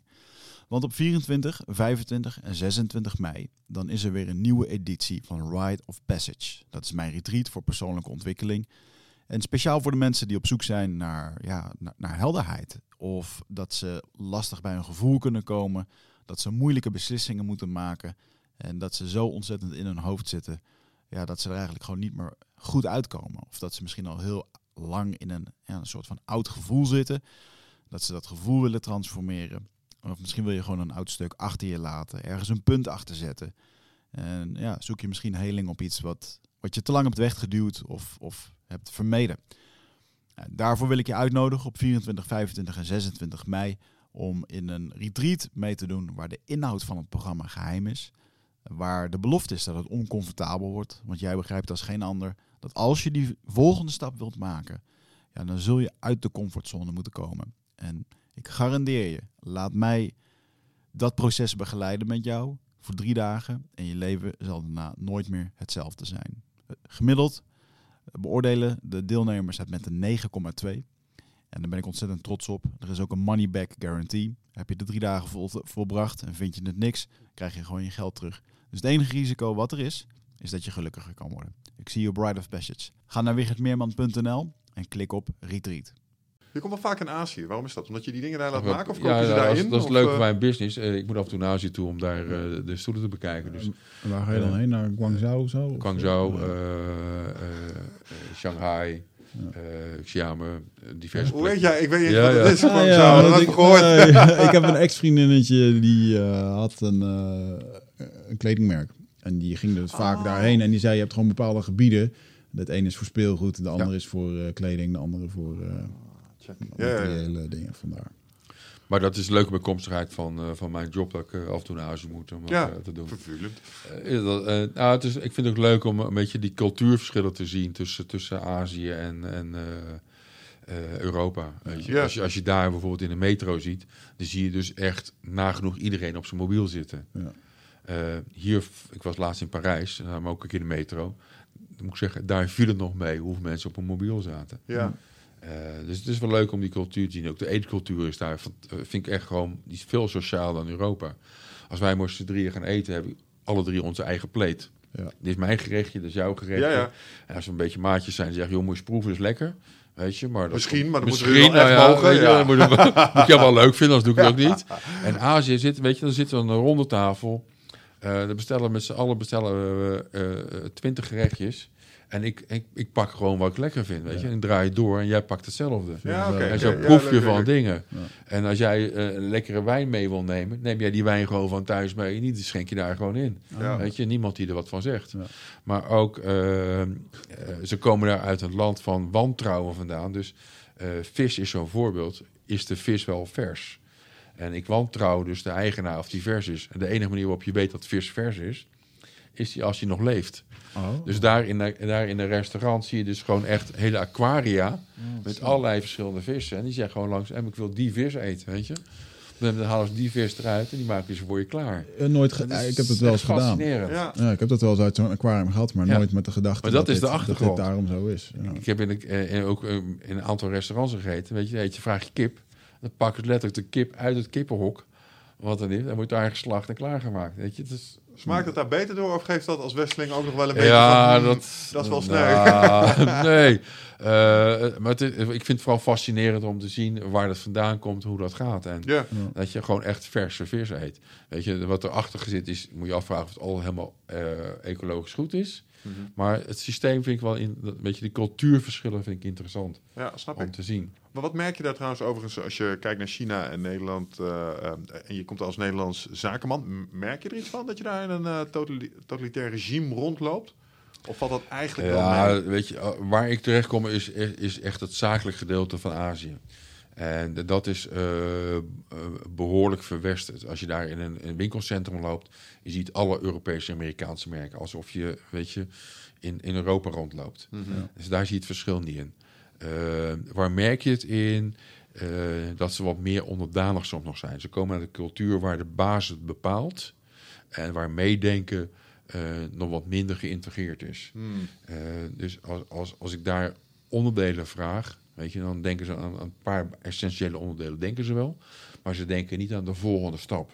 Dus dan moet je ze zelf helpen rennen, doe dat en dat, dat er ook even bij. Ah, Je ja. moet wat meer controleren of het gebeurd is. Als ik jou vraag van, joh, eh, heb je die afspraak wel in je agenda staan van vandaag? En ik vraag dat drie keer. Dan denk je op de, de keer twee van, joh, eh toen heb ik dat genoteerd. ja, hou eens op. Ja, als- ja precies. Ja. Als je daar, daar drie keer vraagt, vinden ze niet erg. Weet je, dat, zo, dat zijn ze gewend in hun cultuur. Ja. Het verandert wel langzaam, maar dat is echt nog wel een cultuur van... eh, de baas denkt voor mij en eh, ik voer het uit. Ja, En dat ja, zie je in de fabriek ook nog wel. Eh, ze doen gewoon wat er gezegd wordt. Ja. En als je in de fabriek rondloopt en, en als wij er rondlopen, joh, waarom zouden we dat niet zo en zo doen? Het is veel efficiënter. Nou, dat zie je daar nog wat minder als cultuur. Het ontstaat wel, Ja. die ruimte is er ook wel, maar het zit nog echt in de genen. eh, dat, je, eh, dat je die verandering zelf moet initiëren en mee mag denken. Ja. Daar zijn wij natuurlijk in, in Nederland zijn we wel een extreem voorbeeld ervan. Hè? Van communicatie, openheid en directheid. Want als je in België en Duitsland komt, is het al anders. Is het echt, maar wij zijn dat niet gewend zodra je het niet, zolang je het niet gezien hebt. Ja, In Duitsland is het natuurlijk echt, echt wel anders dat je daar eh, hiërarchie. de hiërarchie nog veel Ja. meer aanwezig is. En dat is in China merk je dat ook. Aan de andere kant, in de fabriek waar ik kom, merk ik dat gewoon wel veel minder. Eh, want daar is- daar is wel best wel een vriendschappelijke band. Ah, ja. Eh, dus dat, dat is wel leuk om die cultuurverschillen te zien. Ja. En wat je ook ziet in Azië, in, in China, vroeger was het echt een productieland. Mhm. En het wordt steeds meer een ontwikkeld land. Als je ziet hoe hard daar met ontwikkelingen gaat, is fascinerend om te zien. Mhm. Eh, die zijn op een aantal gebieden al ver vooruit op Europa en, en, en Amerika. Ja. En ze integreren dat heel erg in hun eigen systeem. Als je bijvoorbeeld pakt de elektrische auto, weet je, dat gaat daar veel harder dan dat in Europa gaat. Ja. Eh, tegelijkertijd zie je met de elektrische auto bijvoorbeeld dat de grondstoffen een serieus probleem worden. Ja. Een, een, een, eh, een kobalt grondstof als kobalt bijvoorbeeld, ja. Weet je, dat eh, komt uit Congo vandaan. Als je ziet dat Azië of China heeft de grootste schuld, eh, nee, Congo heeft de grootste schuld aan China. Dan weten we wel waar de kobalt heen gaat. Precies. hem, ja. Ja, dus eh, op lange termijn heeft Amerika en Europa een probleem. Want heeft Azië, China bepaalt op dat moment wel even de richting waar de kobalt heen gaat. ja. En de ontwikkeling heen gaat. Weet je, Dat alles is maal tien. Als hier tien, eh, tien slimme gasten afstuderen, zijn daar honderd. Ja. Ja. Ik vind China een fascinerend Ja, het is echt fascinerend wat er gebeurt. Vind En de snelheid, hè? Vind je het ook wel spannend wat je daar ziet? In, in die zin, als, je, als, als ik als besteling... ja, kijk, ik kon laatst ja. kon ik voor eh, Glory kon ik naar China. En eh, het was toevallig wat een kort dag. Eh, en ik was niet heel rauw dat ik er niet, zeker, heen, ja, niet heen zeker, hoefde. Want, Zeker doen, zeker doen. ja, maar ik vind het ook tegelijkertijd best wel, best wel een creepy land. Eh, als je kijkt in hoe zij hun burgers controleren... eh, een van de dingen die ze daar hebben... Michel, wanneer is de laatste keer dat jij op vakantie bent geweest? nou, een tijdje geleden. maar als ik moest kiezen... Nou, nee, dat valt trouwens wel mee. Maar Nee, maar als je, ik zou als- niet per definitie voor een land kiezen... waarbij ze een systeem hebben geïmplementeerd... waar je feitelijk een soort punten krijgt. Ehm, ze op basis van je Ja, gezichtsherkenning... ja, ja. eh, je punten aftrekken. Eh, het, het is daar zo, zo erg als je daar als burger bent en je loopt over een gasveld, want die mag, dan trekt ze gewoon rechtstreeks een centje van je bankrekening af. Krijg Ja, je ja, een ja. penalty. ja. Ja. Hè? Vind, ik- vind, vind, vind best wel, vind ik best wel eng. Weet je, ze weten dat jouw ouders leveren en je, als je uit, ze weten dat je daar te weinig komt. Weet je, dan word je ge- op gestraft. Meen je dat? Eh, als jij te weinig creditpoints hebt, dan krijg jij eh, niet, geen toegang meer tot de eerste klas. Of tot bepaalde banen of tot bepaalde Wauw. Andere eh, rijen bij afrekenen. Ja, ja, maar En je- zover gaat het. Ja. Hè, En jij als, jij als toerist, word jij daar ook... eh, Eh, meegenomen in dat nee, systeem? ik merk, ik merk het nog niet. Maar weet je, ik heb altijd wel een gezond, hele, hele erge weerstand tegen alle documenten die ik in moet voeren. ja. Want als ik erheen ga, ik moet mijn hele vluchtplan invullen. Met, met wie ik ga bezoeken. eh, wanneer ik heen reis, wanneer ik terugreis. Eh, mijn bedrijf moet, eh, moet garant staan voor dat ik terug kan komen. Dat ze het allemaal betalen. Nou, Eh, en ik heb al gehoord, ik heb nog niet meegemaakt dat het nu weer strenger is. Dat je ook je opleidingen moet geven. Ja. Eh, wie je familie is. De eerste keer dat ik, nee, twee jaar geleden kwam ik daar, moest ik alleen mijn duimen doen. De laatste keer moest ik al met mijn tien vingers even op de scanner leggen. Ja. Dat ze alle, allemaal gescand worden. De volgende, de volgende, Ja, ja, ja. Nee, maar de volgende fase is, eh, ja, de volgende fase is eh, full face herkenning. Ja. Ja. Dus dat je ook gewoon door eh, een aantal steden hebben al eh, op straat gewoon een volledige gezichtsherkenning. Ik geloof dat politieagenten daar zijn uitgerust met augmented Ja, ja, reality. ja, ja. Die Dat, is zover, ja, dat is nog een experimenteel stadium, maar eh, Ja. eh, weet je, dat duurt niet lang meer dan snel China ingevoerd. Er Ja, zijn een aantal steden waar dat eh, getest wordt en dan gewoon live uitgevoerd Ja. wordt. En als ik dat soort Ja, dingen zie, dan denk ik toch wel... dan hmm, gaan we- en dan wordt het volledig, eh, volledig gecontroleerd, hè? Ik vroeg aan de woordvoerder van de Korps Commandotroepen wat zijn grootste angst was op het gebied van ontwikkelingen. En toen zei hij, eh, nee, eh, gewoon eh, drones die raketten kunnen afvoeren met ge- gezichtsherkenning. Ja. Dat betekent dat je gewoon die drone eh, met eh, imprint Michel, eh, dat ding zweeft hij gewoon een week rond. Op zonne-energie. Ja. Dus het kan Ja, eindeloos ja, blijven ja, doen. En wanneer jij hier naar buiten loopt en dan ziet je, krijg je die raket in je gezicht. Ja hey, luister. eh, shit, eh, in de meeste Hollywood, eh, of in, in sommige Hollywood films zie je dat nu al. Ehm, heb je Olympus Has Fallen nooit wel eens gezien? Ik weet welke het is. maar- Ja, en daar is nu een deel 3 van. En dan op een gegeven moment zijn ze op een meer aan het vissen. Ah, ja, dus precies ik- dat. Dan in de van die ja. drones in de lucht en zo. En Ja. dat is echt een eng... Dat, dat zei de... Ik weet niet wie dat was bij Joe Rogan, maar die zei dat ook al. Dat, volgens mij was dat eh, Duncan Trussell. Dit is het geluid van angst in de toekomst. Dat wat Ja, die drones ja, ja, maken, zeg maar. Dat geluid ga je vrezen straks. Want dan laten ze zien hoe die drones bijvoorbeeld door eh, klapraampjes heen kunnen vliegen. Vliegen ze Oh. dingen in je Ja, huis. ze worden, weer steeds, steeds kleiner, steeds, steeds shit, jongen. autonomer. Creepy. Ja, dus nee, dat, Dat is echt wat je- zeggen. Ja, hoor. En vergeet niet, Azië is, is een stuk verder dan Amerika erin. Hè? Tegelijkertijd, het, eh, ja, nee, dat geloof ik. In social controle bedoel je? Ja, ja. Sociale, dus ook, eh, maar ook technologie. Ja. Ja. Ik heb de countermeasures ook gezien voor die drones. Dat ziet er wel heel sci-fi uit. Dat, zo ik zag een foto van twee Franse soldaten in Parijs, geloof ik was dat. En die wilden ook iets beveiligen tegen drones. En dan staan ze echt met zo'n wapen. En dat is een soort sonar ding. Dus als ze Zo'n zo'n puls. drone zien, kunnen ze gewoon erop mikken. En dan verstoren ze het signaal. Ja. En dan flikkert dat ding gewoon uit de lucht. Ja. Maar dat ziet er echt sci-fi uit. Er was laatst ja. een demonstratie volgens mij in Hongkong waar, ze, waar de politie een drone inzette.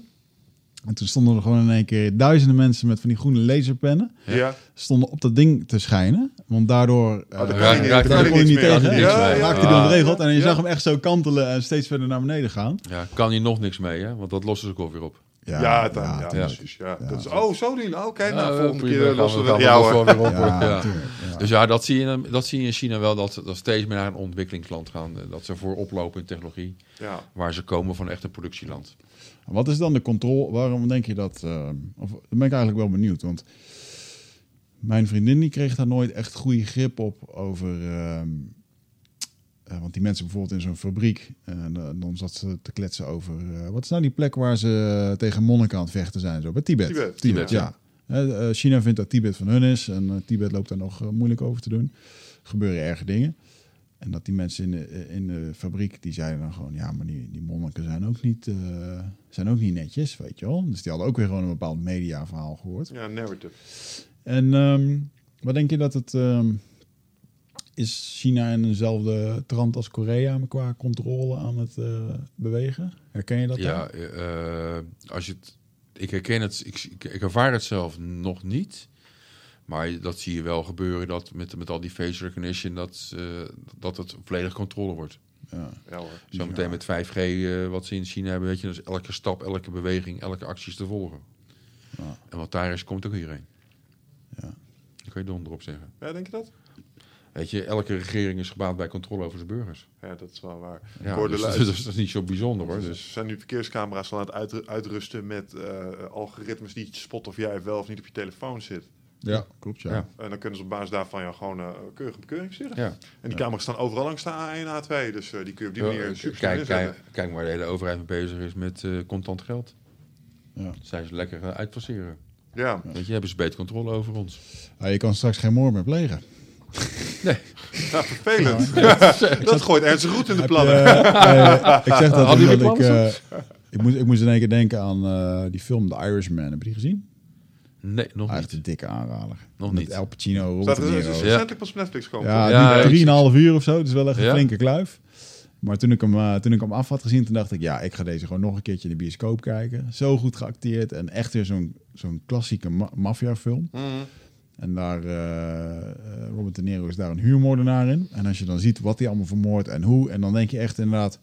ja, wauw, toen waren er geen camera's, geen mobieltjes. Je liep gewoon naar een steeg, schoot iemand neer en je liep weg. En een hele grote kans dat er niks opgelost werd. Ja, nu staan er vijf mensen met een camera op te nemen. Ja, Ja, exact. ja. Ja. En vijf camera's hangen er. Ja, ja, ja. Ja, ja, ja. dat, eh, dat. En twee drones hangen erboven. Zeker. Ze hadden Ja. op de, de zendmast al gezien eh, waar je vandaan was gekomen. Dus eh, Ja. zeker. Ja. Ja, waar- dat- ja. Dat is de hele truc met technologie, hoor. Het biedt Ja. allerlei voordelen. Heeft maar, voordelen, maar ook eh, zijn nadelen. Voor de maffia dan. Nou ja, dat zie je natuurlijk met, eh, met 5G biedt dat nog veel, nog veel meer mogelijkheden. En wat is dat ding met 5G nou ten opzichte van 4G dan? Want eh, eh, eh, ik weet dat er weer wat eh, om te Eh, doen is. De nou bijen ja. vinden het niet leuk. Eh, het schijnt niet altijd gezond voor te zijn, maar het is preciezer of eh, meer brandbreedte. Waarom, waarom kunnen ze het nu wel met Ja, 5G, waar het met bandbreedte. 4, 4G nog niet Meer, kon? meer eh, nee, je, over 5G kan je veel meer data eh, eh, verzenden. Ja. Eh, een, mooi voorbeeld las ik laatst ervan. Nou ja, mooi tussen aanhalingstekens. Eh, of het functioneel is dan punt 2. Maar als je in een stadion zit, eh, ijshockey bijvoorbeeld, de puck is heel klein, die zie je niet. Je kan dus op je telefoon, iedereen die de 50.000 man die in het stadion zit, kan 50.000 man live meekijken met de beelden van, van die ijshockey. En dan iedereen kan bepalen welk beeld hij wil zien. Dus die snelheid en Dus capaciteit... bandbreedte die voor zo'n hels... veel, ja, ja, is ja. veel, veel, vele maal groter. Want dat Ja. doen ze met mobiele devices. Juist. Ja. Nou, Ja. Ik zag gisteren al een camera. Maar goed, die, die, eh, maar goed, die straling is eh, vele malen erger. Eh, eh, je noemt erbij al die, die Ja, eh, ja, ja, ja, dat platvallen. was een dingetje. Eh, oh, ik geloof dat iets van 180 wetenschappers zijn die op, op meerdere plekken aangegeven hebben dat het serieus gevaarlijk is. Al die straling op je lijf, want het is een veel kortere golf. Ja, dat is het ding. Ja, die, hoe- ja, ja, die ja, ja. serieus invloed op, op, op je hele biosysteem. ja. Eh, voor je gezondheid is absoluut niet bevorderlijk. Nee. Maar goed, dat, eh, het gaat er wel komen. Ja, ik zag gisteren ook al videocamera's met 8K. En dan denk ik, ja, ik ben nu blij met mijn 4K. Maar wij, wij doen nog helemaal niks op 4K ook. Maar het gaat dan naar 8K. Dus joh, straks dan... Ik heb de eerste telefoons gehad met camera's. Als je kijkt wat daar aan troep uitkwam. 640 keer 480 pixels. Ja, ja, ja. Ruimelig. Ja. En nu kun je foto's maken waar je maar niet kunt stoppen met zoomen. Omdat Ja, het maar gewoon gewoon, eh, doorgaat, zo high-res is. Ja, weet je, je komt op een niveau, eh, op een niveau terecht waar eh, wij het niet meer kunnen zien. Ja. Je kan zo meteen wel 8K op je telefoon hebben, maar 4K zie je al niet meer. Ja, wij mensen zien er in ieder Wij geval zien- wij eh, niet zoveel meer van. Nee. Ja, wat op zich goed is, want dan hoeft het ook niet meer. Ah, weet je wat de echte truc is met die 8 en 4K dingen? Die hoge resoluties, als je het weer hebt over controle. Ehm, je kunt straks, eh, als je een camera hebt op mensen, dat ze kunnen het nu al, eh, als jij en ik zitten te bullshit in de podcast, er zijn algoritmes, die kunnen aan onze stemwisselingen zo horen, Ja. of wij wel of niet 100% zeker weten wat wij zeggen. Ja. Dus dat is al mogelijk. Straks heb ik een camera, die, die houdt jou in de gaten. Ik zit met jou te praten. En dan, heb ik, eh, dan kan ik misschien op mijn telefoon zien. Ja, hij is zenuwachtig. Mm, Eh, Want hij ziet jouw ogen verwijden. Ja. Eh, hij- oh, hij begint te transpireren. Hij is aan het jokken. ja. Deze man is aan het liegen. En dat kunnen ze dan met die camera's kunnen ze dat gewoon zien. Oh. Ergens is het hartstikke goed. Ergens is perfect. Dat mensen niet meer zouden kunnen liegen. Maar zo af en toe wil je misschien best wel eens in staat zijn om een bepaalde draai te geven aan wat je aan het zeggen bent, nietwaar? Ja. Tuurlijk, schatje. Ja, nee, Ja, ja, ja, ja. hartstikke leuk. Ja, ja. You says no, honey, you're lying. Nou ja, die vrouw wist het al. Die kon het al Ja. voelen. Hè? Die kon Ja, het al voelen. Bij intuïtief. mannen moeten het, die hebben elektronica nodig, maar die vrouw voelt het al lang, joh. Jij had het er straks over dat fake news. En dat is inderdaad wel echt een... eh, ik zag laatst zo'n nieuwsreport. Want dat is, ze hadden een campagne in Engeland gedaan. Waarbij ze volgens mij de ene premier ten opzichte van de andere hadden gezet. En die lieten ze elkaar helemaal promoten. Dus eh, Donald, Trump, Donald Trump zat eventjes, eh eh, figuurlijk gezien, zat die eh, Bernie Sanders eh, te, te hypen. Van, ja, Ja, dit en dat. En joh, je zat er naar te kijken en het was gewoon bijna echt. Dat noemen ze deepfakes. Ja, dat is echt eng. En dan op het laatst eh, kwam dan uit, oké, dit is gemaakt, dit is een computer. En, Ja. eh, maar toen dacht ik, wauw man, als dit nu al kan, dan gebeurt het al. Oh ja. Het enige wat ze nodig hebben is gewoon heel veel materiaal van je. Dus in theorie, als je alle eindbazenafleveringen ergens Ja. in zo'n ding zou laden, kunnen ze ons ook alles laten zeggen, omdat we elk woord in de Nederlandse taal vast al wel een keer hebben gebruikt. Ja, Ehm, Ja, maar zo meteen met AI kan je dat zo. Heb je maar klein, heb ik maar één foto van jou nodig. Kan ik op basis van die manipulatie gewoon eh, corrigeren hoor. ja. ja, nee, nee, Ja, daar maar er is genoeg. En ze kunnen, zeg maar, met één foto kunnen ze mij al eh, Ja, animeren. je kunnen ze animeren. Dus maar mijn stem en taalgebruik. En waar dat heel duidelijk werd, was eh, ja, weer Joe Rogan. Daar hadden ze dat ook mee gedaan. Daar hadden ze gewoon een stukje door een computer laten maken. Waar het vertelt over eh ijshockey in de chimpansees of zo. Echt iets Ja. wat typisch Ja. hij zou zeggen. Ja. En dat je echt denkt, nou, ik weet niet of dit echt is of Ja. niet. ja. Je hoort nog een heel klein beetje, zit het nog in de Uncanny Valley. En de Uncanny Valley is dat stukje waarbij je... Ja, maar je, Je moet, voelt dat het niet dan helemaal oké is. Maar dat duurt niet lang meer, dan is dat ook gewoon goed. Nee, sommige, sommige CGI met films heb je dat nu nog. Dan zit je een moderne film te kijken en dan kan je net zien, oh, dit is door een computer gefaked, gemaakt. ja. Soms zie je het Ja, niet, maar soms kun je het nog net even voelen. En, en dat is waar dat nu zit. Geef dat twee jaar, ja. twee maanden. Ja, ja dat gaat, maar nee, dat gaat zo snel. Maar ja, weet je, ook fake nieuws. eh, neem bijvoorbeeld jouw ay- ayahuasca-sessies. Ayahuasca op zich. Weet je, als je de ene partij hoort, dan, hoor, je- dan is dat een, eh, een, eh, een plant die jou helpt. Mm, En de andere partij zegt het is een druk. Wat is waar? nou, ja. Hè? En, eh, dus op basis daarvan, ga, wat, gaan, wat gaan we vertellen rondom eh, zo'n thema als ayahuasca? Ja, maar daarvan vind ik nog dat... eh, En maar je kan je dus heel veel thema's doortrekken erin. eh, over, over wat eh, de overheid je probeert te vertellen. Of wat mensen proberen te vertellen. Wat is waar?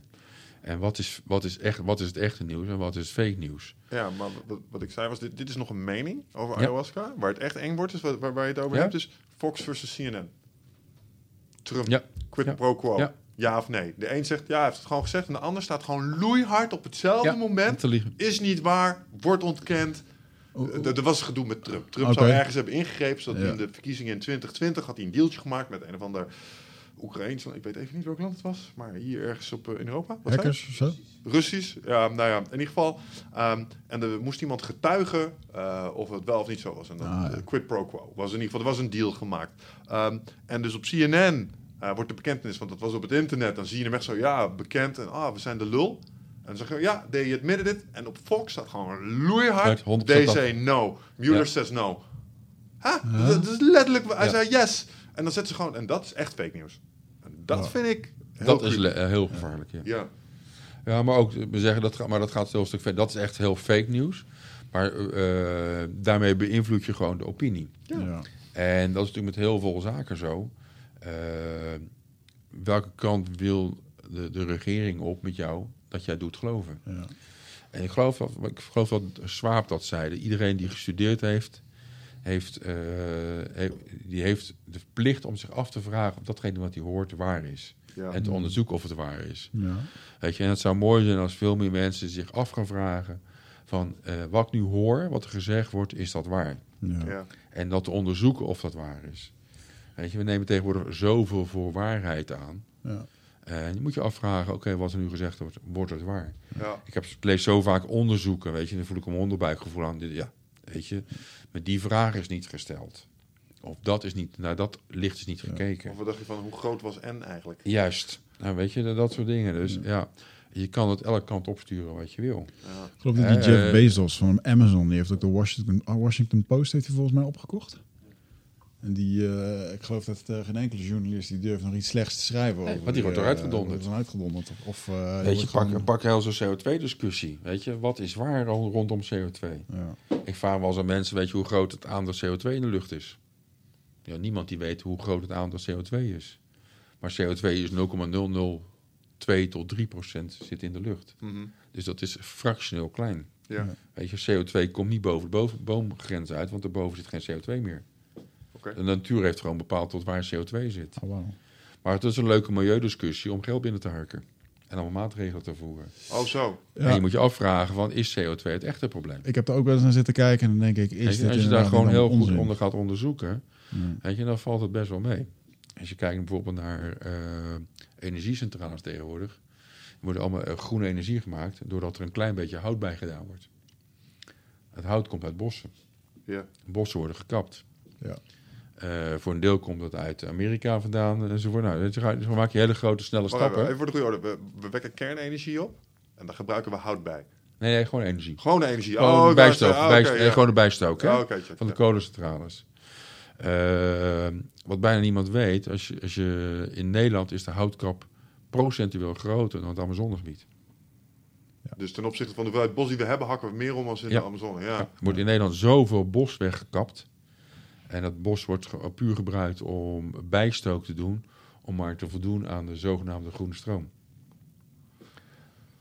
ja, voor me, dat is heel vermoeiend. Is heel Als je vermoeiend. daar Ja, precies. ja. Als je daar, als daar een beetje in verdiept. Ja. Weet je, dus, dus als je het hebt over eh, hoe we feitelijk eh, bedonderd worden, of in ieder geval je wordt uitgenodigd om zelf onderzoek te doen van wat, wat is hier nou waar rondom dingen die verteld worden. Ja, en dat is best wel moeilijk. Want En als dat is verdomd moeilijk is dat. hoor. waar ga jij naartoe om eh, objectief nieuws te krijgen? Eddie Bravo. Eh, Eddie Bravo, ja. Tenth Planet Jiu-Jitsu, ja, daar moet je, je als, je, als je op internet eh Google, er zijn, er zijn eh, Zero, Hedge is een, Zero Hedge is een mooie site waar, eh, waar een hoop eh, van de andere kant van het verhaal verteld wordt. Eh, naar eh wanttoknow.nl, dat is een hele mooie site in Nederland die, die heel veel het andere kant belicht. Weet je? En je moet je op basis daarvan, van twee verhalen, moet je kijken van hey, welke informatie voelt dat klopt. Eh, weet je, de houtstook die bijgestookt wordt, dat, dat geeft 15 tot 20 procent meer vervuil- luchtvervuiling Mhm. dan gewoon kolen die gestookt wordt. Ja. Het is maar hoe je dingen bekijkt. En, Maar omdat het uit een bos komt, dat voor dat was precies. bos groen stoken, Ja. voelen we ons beter Ja. over. En je hebt bossen nodig om CO2 af te breken. Ja. En we halen de bossen weg. Ja. Ja, dus weet je, eh, heel veel. Dus je wordt uitgenodigd. Weet je, mensen zouden uitgenodigd moeten worden om veel meer zelf te onderzoeken. Hey, is het waar wat hier verteld wordt? Om, maar in plaats van gewoon alles te geloven wat er verteld wordt. Ja, ik, ik denk alleen dat dat, dat... Ja, dat zou perfect zijn. Maar ik denk dat dat niet gaat gebeuren. Ik denk het ook niet. Omdat 95% van de mensen die is gewoon te druk met eh, leven. Eh, baan. eh Ja, je centjes wordt- verdienen. ja, zorgen wordt- dat je het doet Ja, zoals je ouders het gewoon, je wordt deden. gewoon bezig gehouden. Hè? Weet je, als je kijkt hoeveel tv er is, hoeveel, hoeveel, je kan, eh, hoeveel afleiding er is tegenwoordig op je mobiel, op je Mhm. telefoon, de Netflix, whatever. Eh, weet je, jij bent er ook zo eentje die, die al vijf, zes jaar geen tv meer kijkt. 15. Vijftien jaar, oké. Vanaf mijn 21ste, ja. Maar wel Ja. Netflix. Wat gewoon een plaats voor ik wel eh, op eh Michel Ja, een account met Netflix. Ja, het is Goedkope hond die ik ben. Weet je, ik, ik heb, dat was grappig. Ik was een keer in China, dat ik een week lang geen tv gekeken. Zo'n zes, zeven jaar geleden. En ik kwam thuis en denk eens, kijk hoe lang ik dat volhoud. Nou, de eerste drie maanden was het moeilijkste. Mm. En daarna kreeg ik in de gaten hoeveel rust dat gaf. Ja. Gewoon al die bullshit meer Mhm. bekijken. Ja. Het enige wat ik kijk is heel af en toe, als eens in de maand misschien eens een keer Netflix film. Ja. Meer niet. Kenmerkend moment voor mij dat ik stopte was dat ik merkte dat ik zat te balen dat er weer niks op televisie was. Oh, en dat zo, ik echt ja. dacht van wow, dat ding bepaalt dus of dat ik een leuke avond Juist. heb of niet. Juist. Eh, ja, dat gaat dus niet meer doen. Ja. Ja, maar als je het over een stukje bewustwording hebt, weet je, heel bewust naar dingen kijken in plaats van laten vermaken. Mhm. Heel bewust dingen lezen, heel bewust dingen doen. Weet je, je ziet ook in Nederland is het bewustzijn wordt wel, wordt wel steeds groter. Dat meer mensen gaan denken van, hé, hey, waarom doe ik dat eigenlijk? Ja. En dat is Ja. natuurlijk een hele leuke vraag. Waarom doe ik de dingen die ik doe? Ja, ja dat is interessant. dat is een hele interessante vraag. Eh, Dan kom je weer terug op eh, nurture versus nature. Ja. Maar als het gaat om tv kijken, wat ik, eh, wat ik heb gemerkt dat mij het meeste rust brengt, is... ehm, ik kijk geen nieuws meer. Dus voor, voorheen zat ik in een relatie en dan stond de tv best vaak. Toen met Sabine nog. Sabine keek veel tv, dus dan krijg je het ook mee. En dan staat het nieuws ook op en dan hoor je dat en denk je... Oh jeetje, dit weer, dat weer. Ehm, en eh, toen ging die relatie over. En dat is inmiddels eh, twee jaar geleden bijna. Maar sindsdien staat die tv gewoon eigenlijk nooit echt meer in mijn huis aan op tv. Als ik iets consumeer, dan zet ik het of bewust zelf op. Ik ben een podcast aan het luisteren of wat dan ook. Ja. En zo heel af en toe ga ik nog even naar nu.nl. En daarna ga ik even kijken op geenstijl.nl. Nou, dan krijg ik weer een klein beetje een idee waar iedereen zich druk om maakt. En dan Ja. denk ik, Als het Holy op geen shit, stijl tijd- staat, is het waar. Nee, nee, nee, nee. Gewoon om te kijken waar mensen zich druk over maken. Eh, het feit of het waar is, interessant is of op, op dat je er druk om zou moeten maken, daar mag je dingen bij afvragen. Ja. Maar dan zie ik, oh, zeemold, zeemold. Ik ben wel even goed. En dan ga ik weer even vier je, je, weken hebt- wat je kan, je kan zoveel leukere dingen doen, joh. Ja, Eh, weet je, ik ben, sinds die tijd ben ik veel meer gelezen. Ja. Eh, je hebt makkelijker tijd om transporten. eh, andere dingen die je gaat doen. Weet je, dat is zoveel boeiender is het. ja, nou, en wat, En je, het belangrijkste is, je brein wordt niet negatief beïnvloed. Mhm. ja, Want er komt zoveel shit over je heen. Er zit een half, half uur, een, een nieuws, een half uur lang negatieve informatie. maar dat doen ze heel, heel bewust. Ja. Want dat is hetgene wat mensen Juist. heel erg interessant juist, vinden. Juist, juist. Je, bent, je bent gewired voor gevaarherkenning. Dus daar, Ja. ga, je, daar ga je voor. Ja. Nee, maar nieuws moet sensationeel, spectaculair zijn en eh, het liefst nog erg ook. Ja. Ja. Weet je? En dan haken mensen aan. Nou, ik haak liever af op dat moment. Ja.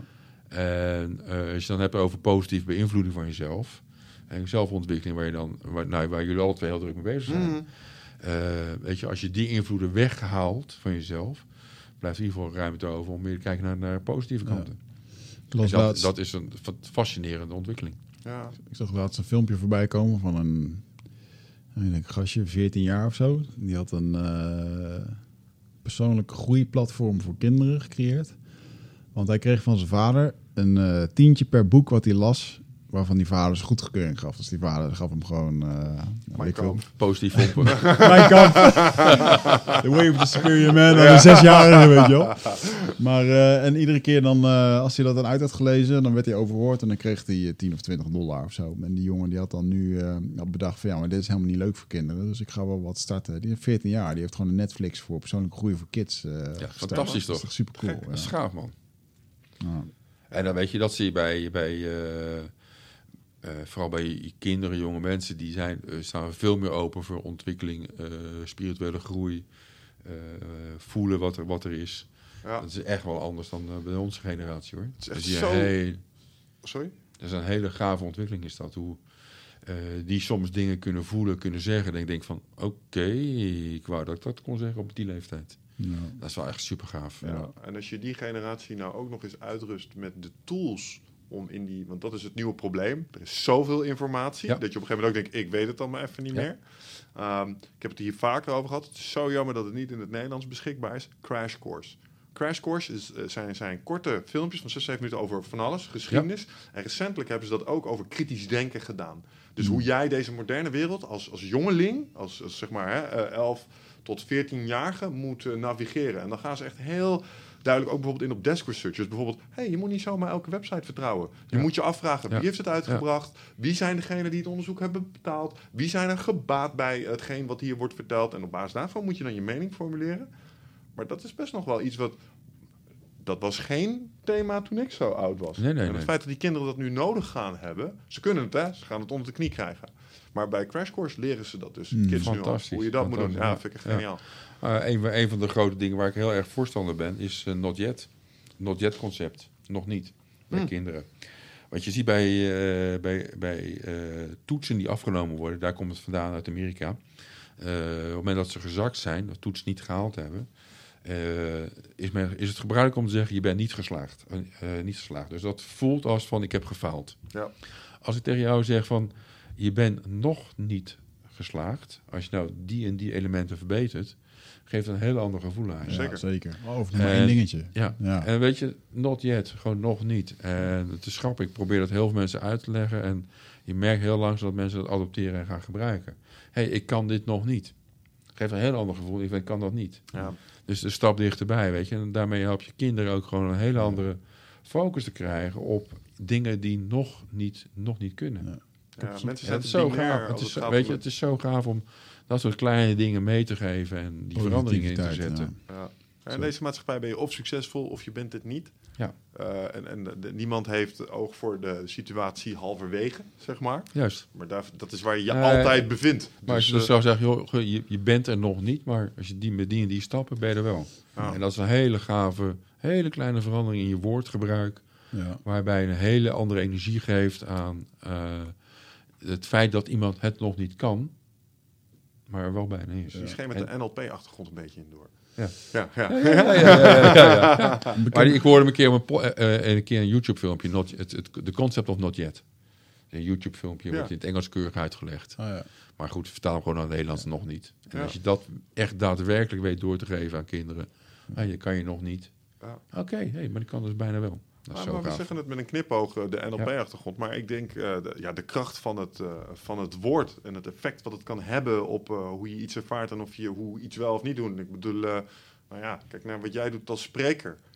Weet je wel, door, door, door de woorden die jij in, uitspreekt in de zaal, die bij iemand landen op een bepaalde manier. Als je het net anders doet, Hmm. heb je een bepaald effect. Dat, dat, dat waar je op uit bent. Dus nee, ik denk dat, dat op zo'n manier Ja, ja. dingen ver- verwoorden en framen ontzettend krachtig is. Ja. Zeker. Het is echt super gaaf om daar, eh, we zeggen, daarmee bezig te zijn met, met eh, ja, hoe zeg je dingen, eh, onder, hoe onderzoek je dingen, hè, waarheden, die, wat, wat is waar. Dus ja, zo'n website wat jij zegt is fantastisch natuurlijk. Ja. Dus je moet eigenlijk gewoon Nederland gewoon ontwikkelen. Ja, eigenlijk wel. Ja, nou, ja, Naast de eindbazen. Naast de eindbazen. Ja. Nou, we doen al eens iets soortgelijk met Young Guns. We zijn nu bezig met een onderwijsprogramma, de Helderreis. Ja. En een van de dingen die ik op mijn roadmapje heb staan, is, eh, ik noem dat Sense Making 101. Dus wat ik, wat ik graag zou willen, is dat je inderdaad dat wat ze daar leren, dat kritisch denken, maar dan helemaal verwaterd voor naar, zeg maar, mijn neefjes. Die, die, Ja. die, die, net in dat, Ja. eh, die, zijn, Ja. die zijn net slim genoeg om nu met de computers en Google om te gaan. En die staan nu net aan de rand van dat hele grote meer vol informatie. En die zou je op een bepaalde manier willen leren da- dat te navigeren straks. Ja. Zo van, hé, hey, ja, is leuk dat dit er staat, maar hoe zit het nou eigenlijk echt? En hey, je kijkt hier game streamers. Maar dat kun je ook doen voor bijvoorbeeld wiskunde. tut, tut, tut, tut. En daar kun je ook je informatie weghalen. Misschien moet je, nou, dat, dat sensemaking. Dus hoe navigeer je Maar hoe, werkelijkheid? hoe vertaal je dat in de praktijk? Eh, Ik heb het wel gehoord van jou, de Young Ones. Uh, nou, op dit moment is het een, eh, is het een paar dingen. Uh, het is een onderwijs, het is een eh, gratis training voor studenten. Dus eigenlijk 12 waves met een studentensausje. En dan kun je gewoon een online training doen. Maar in het basisonderwijs eh, doen we inmiddels een, eh, een twaalftal lessen komen we langs. Waarbij we ehm, elke keer een soort thema, bijvoorbeeld, eh, nou, je laat een groep eh, kinderen, in, eh, bijvoorbeeld de leeftijdscategorie, ik noem maar wat, 6 tot en met eh, eh, 12, laat je opdrachtjes uitvoeren. En één krijgt het voor het zeggen en die moet iemand een Ja. bepaald veld laten navigeren. Ja. Ah, dat is moeilijk, want je moet mensen aansturen. Maar je hebt wel een timertje. Nou, dan, daarna mag iedereen feedback gaan geven op hoe je deed. En dan mag iemand Ah, anders het doen. Dus we gaan leiderschapsvraagstukken schieten we in spelvorm. Ehm, we gaan hebben het over dingen als de held zijn. eh, over eh, ehm, ook de held zijn naar, naar kinderen om je heen toe. Eh, en, en wat ik heel belangrijk vond, omdat ik dat zelf echt super graag eh, bijgebracht had gekregen toen ik kleiner was, is omgaan met hoe je denkt. Ehm, ik ben vroeger gepest geweest, dat had het in de vorige podcast ook over. En ik heb hier wel eens vaak gezegd, het pest op zich was niet het ergste. Dat, daar kwam, dat was hooguit 10 minuutjes. Maar het was daarna, dat de- als je dan op je fietsje terug naar huis zat... Ja, ja, en je was erover ja, aan het nadenken. en dat je dacht, oh, ik ben niet goed genoeg, ik ben waardeloos. En dat je kinderen kunt leren. Nee, nee, nee, nee, nee. Dat, dat, dat zijn maar ideeën, die komen met je hersenen, maar die zijn niet waar. Daar, daar kun je anders over denken. En dan maak je een soort van weerbaar. Ja. Uh, je kunt jezelf in een soort bel plaatsen. Dat als mensen lelijke dingen tegen je zeggen, dat je ook kan zeggen: Oh, wat vervelend, die heeft een knuffel nodig. En dat is een hele andere manier van: Ja, ja, ja, valt aan. Gaaf, Dus op die manier proberen we kids daar op heel speelse wijze een aantal van dat soort lessen al in mee te geven. En mijn theorie is dat als je dat in de juiste vorm giet, dan blijven ze dat voor het leven bij. Het voorbeeld dat ik hier was aanhaal. Ik weet nog steeds hoe ik jou een stabiele zijligging moet leggen, omdat ik ooit een keer EHBO-les heb gehad op de kleuterschool. Ja. En die meneer die liet zich zo ineens op de grond vallen. En ik weet oh, en dan moesten we dan, dan moesten we dan oplossen als groepje, zeg maar. Een paar die bleven zitten en een paar die gingen dus kijken. En, die, oh, en dan legde hem toch in de stabiele zijligging. Ik weet het nu nog. Ja, we hebben ze gewoon geprogrammeerd. Ja, maar omdat de, de, Zeker de, in de de lesvorm was anders dan normaal. En, en, en de, de, de inhoud is daardoor heel goed blijven hangen. Dus dat is een beetje de hoop dat we daar kids eigenlijk al een soort leiderschapslessen kunnen geven vanaf jong afstand. Ja. Het is mede geïnspireerd door wat Jocko Willing doet met zijn eh, Uncle Jake. Die heeft gewoon een boekje geschreven. En daar legt hij uit hoe, hoe, een, hoe een, jong knulletje van 0 naar 1 pull-up kan. En de- als je dat snapt, oh, kan van 0 je- naar 1 pull-up is Dan zo. kan je nog twee toe. Geldt voor alles dan ineens. Ja. En dus Ja, kinderen zijn daar slim geweldig, genoeg voor. geweldig. Ja, geweldig. Ja, Ja, maar dat zie je dat kinderen dat heel, eh, heel makkelijk oppakken. En daar eh, vaak veel wijzer zijn dan wij denken. Ja, dat sowieso. Ja. En als je dat op de juiste vorm in kan geven. Want het is eh, wat je heel veel, wat ik hier in ieder geval heel veel zie, dat er vanuit negatieve gedachten wordt gestuurd. In plaats van wat er wel kan, eh, wordt er heel veel gekeken wat er niet kan. Ja. En als je vooral die kant wel belicht, mensen daarin meeneemt van hey, welke kant kunnen we wel op. Ja, Ja. dat is zoveel gaver. Ja. Ik hoorde net een, eh, een paar jaar geleden zo'n bekende hypnotherapeut uit Engeland die ook dat positief praten met de kinderen. En dat is best wel lastig, want wat doe je op het moment als je je kindje naar school brengt en eh, hij of zij is de rugzak vergeten en hij komt teruglopen. Dan zeg je, wat ben je vergeten? En zij zegt dan, oh, wat heb je herinnerd? Nou, weet je wel, goed dat je wat Ja, herinnerd ja, ja, hebt. ja. En dan proberen als ouder niet te flippen dat je weer eh, een half uur later komt. Waarom heb je nou weer niet? Ja. Ja, ja, ja. ja. En, eh, ik merk dat nu af en toe weer met mijn anderhalf, die anderhalfjarige. die staat dan heel dromerig in de gang. En dan ge- geef ik de jasje aan haar. En die, die staat dan echt een beetje rond te drentelen. Die zit echt in een andere wereld af en toe, weet je wel. Ja, maar dat is wel, dat is wel als, je, als je gewoon ook naar de hersenen kijkt van kinderen. eh, weet je, er zijn heel veel verbindingen zijn gewoon nog niet gemaakt. Nee. En dus eh, kinderen kunnen gewoon ook dingen nog niet overzien of niet bedenken die wij heel logisch vinden. Mhm. En als je dat überhaupt al beseft, dat kinderen eh, niet de consequenties kunnen overzien van hun handelen, weet je, dan heeft het ook geen zin om ze daarvoor te straffen. Want ze begrijpen het gewoon niet. ja. En als je dat dus kan vertalen naar een positieve actie, van joh, het is een leermoment, Ja. in plaats van een fout. Weet je, dat is ook een van de dingen die ik heel erg probeer te promoten in, in woordgebruik. Weet je, we zijn leven zo in een cultuur van fouten maken. Dat heb je fout gedaan. Hoe voelt dat als je dat zegt tegen jou zegt? ja. Moet ik het vijf keer zeggen, dan doe je het niet meer. Nee. Ja. Dan begin je er niet meer over. Als tegen jou zegt, hé, hey, dat is een mooi leermoment geweest. Dan denk je, van, oh, oké, wacht even. Ja. Dus als je, eh, als je kijkt ook in het onderwijs, dat zoveel fout, maar ook in het bedrijfsleven. Oh, heb je fout gedaan. Nee, dat is een leermoment geweest. Ja, en, denk En als je dat dat dus gewoon echt in je systeem kan ombuigen, door alles ongeveer een leermoment te noemen, weet je, dan heb je zoveel meer positieve invloed op mensen en op kinderen, Ja. op medewerkers, Ja. op je relatie.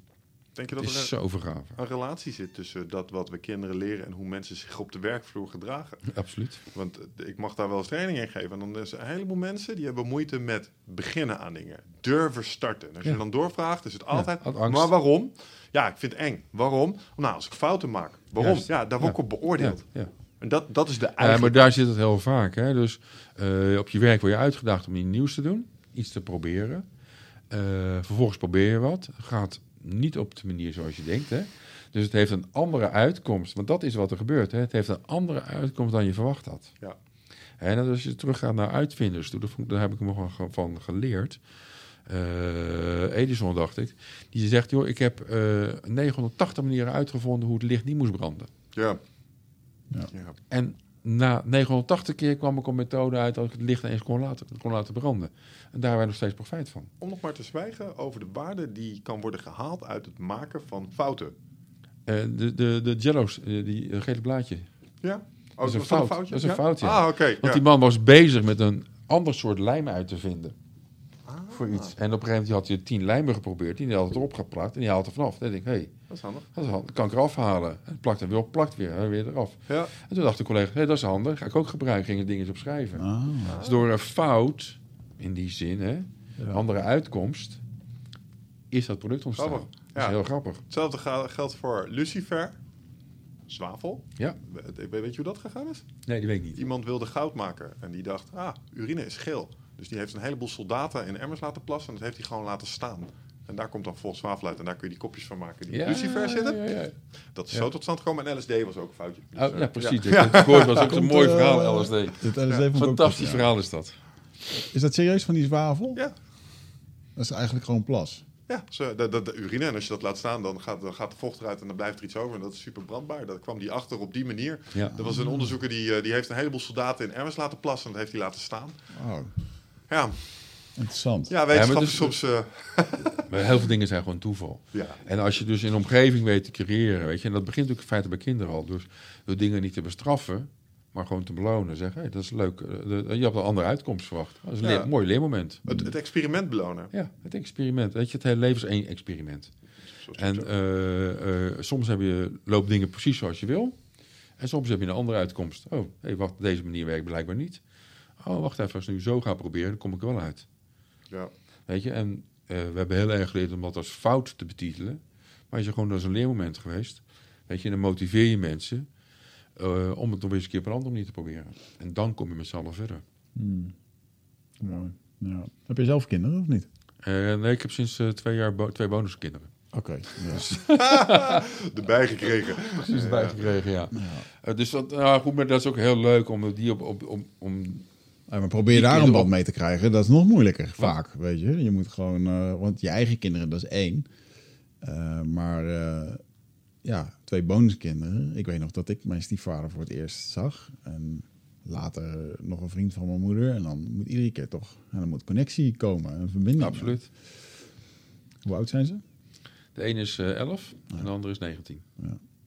Dus, eh, En dat is beide, ja, dat is een, ook weer een leuke, leuke leerschool. Ja. En dus vooral, een beetje, en daar zit ook heel veel van die positieve lessen in. ja. Mijn neefje is nu elf, dan vind ik het het leukst. Ja, Nu kan ik gesprekken met ze voeren. Ja. Nu snapt hij wat ik zeg. Ja. Ja, maar dat is ook super leuk, weet je, als je het over denken hebt. Hè? Eh, zo van niet dat eh, eh, over negatieve gedachten of bepaalde gedachtenpatronen. Als je dat om kan denken naar hey, een paar hersencellen bij jou, die vinden dit ervan. Maar je moet niet geloven wat ze denken. Je moet ze even vertellen dat ze het anders moeten gaan doen. Ja, je kan actief je Dus je, maakt, kiezen. dus je maakt het niet op de persoon, maak je het, maar je maakt een paar hersencellen die eigenlijk als het ware ernaast staan. Ja, die hersencellen die denken dat ze dat er moeten gaan doen, joh. Moet je niet geloven, moet je even vertellen dat ze het anders moeten gaan doen. Ja. En dan zie je daadwerkelijk dat zo'n kind niet eens iets anders gaat doen. En dan ga je niet zeggen dat hij het niet goed gedaan heeft. Maar die hersencellen hebben toch wel al wat bedacht wat jij niet leuk vindt. Ja. En als je het zo kan vertellen, heb je een hele leuke manier op een andere manier met, eh, met bewegingen van kinderen of met gedachten of met gedrag van kinderen om te gaan. Ja. Of eh, laatst was je wat vergeten. Zeg, joh, je moet even tegen die paar hersencellen zeggen dat ze er volgende keer van denken. Weet je? En dan zie je eens een lach op een gezicht in plaats van dat ze, oh, heb ik dat vergeten? Ja, ja, ja, je, dat ja, is superleuk, weet je. Dus spelen met, met die materie van, van denken, dat is zo gaaf. Wat jij ook doet, met die klasjes doet, dat is zo gaaf om dat op een andere manier te laten denken. Nou, En een andere manier te benoemen. Ja, en het grappige is, als je één keer eh, op die manier, eh, of iemand, soms, soms heb je dat, hè? Eh, er is een nieuwe podcast die ik luister, The Portal van Eric Weinstein. En de reden waarom ik hem zo vet vind, is omdat die manier een net andere manier van denken heeft. En, en als je één keer zijn manier van denken hebt gezien, dan kun je het niet meer ontzien. Ja, en dan ga je in precies. de toekomst ga je ook situaties door die filter ga je benaderen, waardoor je ervaring helemaal anders wordt. En dat is echt, dat is, je, je maakt eh, je werkelijkheid helemaal Ja. hier. Ja, dat is, dat is, weet je, dat is zo'n leuke manier. En eh, ja, ik zou, ik, weet je, dat zou ik gaaf vinden als meer mensen dat gewoon oppakken en die manier van denken. Op een, op een andere manier gaan, gaan leren denken erin. Een andere Ja. manier leren kijken naar zaken. ja. En dan, ja, dan maak je, kan je gewoon leuk, echt leuke stappen maken. Ik hoorde dat van de week nog van eh, een van mijn favoriete leraren, Brandon Burchard. Die heeft eh, echt zo'n leiderschapstrainer. En die had het dan over thought leaders. Mensen die echt gedachten goed proberen over te brengen. Dus hè, eh, jij bent ook een thought leader. Want op het podium probeer jij iets tussen de oren te krijgen bij mensen. En dat, dat lukt het beste op het moment als je hun wereld als het ware even laat shaken. Dat je, dat je ze blootstelt aan een gedachtegoed wat, eh, wat eigenlijk pijn doet aan zijn hersenen. Ja. ja. want anders is het niet, eh niet Nou, gelukkig een aantal of- boze mensen die altijd de zaal uitlopen. En, eh, Dat is een andere, Ja, dat, mail. is- Ja, dat is ja, een andere goed. Ja. maatregel. Heb je het goed overgebracht? ik heb een wereld in geval... boodschap. eh, ja, Heb je ze wakker geschud? ja, valt wel mee. Maar, eh, ik zat van de week met mijn dochtertje. En dat is wel mooi, want die brabbelt alleen nog maar. En nu ook wel een beetje mama, papa en zo. Maar als ik gewoon zeg, eh, kom, eh, pak je schoenen. Dan loopt ze gewoon naar de kamertje. En dan gaat ze gewoon, eh, dan kijkt ze naar de schoenen. Die, die snapt alles, eigenlijk. Ook weer niet, af en toe denk ik dan. Heb je er al bespeurd op momentjes waarbij ze probeert te verstoppen? Ja, dat ze het begrijpt, omdat het Ja, haar beter uitkomt? Ja, als- maar dat is, al, dat is echt heel vaag. Hè? vaag hè? Als wij gewoon... ehm, eh, dan staat zij in de keuken. Dan zijn wij in haar kamertje. En dan eh, zegt Marieke van... "Joh, Lee, eh, we gaan slapen. En dan, dan loop ik de, de, haar slaapkamertje uit richting de keuken. Dan ziet ze mij. En dat, is het moment waar zij de kamer inrent... en op de, zichzelf op de bank probeert te verstoppen. Wat ze doen, dan kruipt ze op de bank... en dan steekt ze de hoofd in de rand van de, van de kussen. Zo van, dan zien ze me niet. Ja, Dat is ja, zo ja, ja. schattig. Ja, ja, ja, ja. Ja, dan, eh, Ah, of dan eh, op laatst stond ze in de keuken en toen deed ze in één keer eh, met zo'n glimlach, deed ze zo de, de drinkflesje voor de ogen. Zo van, eh, nu ziet hij me niet. Echt zo heerlijk. ja, ja, maar, die, ja. maar die voelt gewoon, als wij zeggen Lea, en we hebben nog niet eens gezegd van we gaan naar bed, maar het is gewoon tijd om naar bed te gaan. Die voelt dat gewoon. Ja, dat is tuurlijk. Fascinerend, jongen. Dat is echt, eh, Energie. Ja, dan Ja, is het alsof het, Het is allemaal energie. Dat zo, zo om door de beseffen. lucht heen. En ehm, ja. ja, dat doen kinderen wel heel mooi.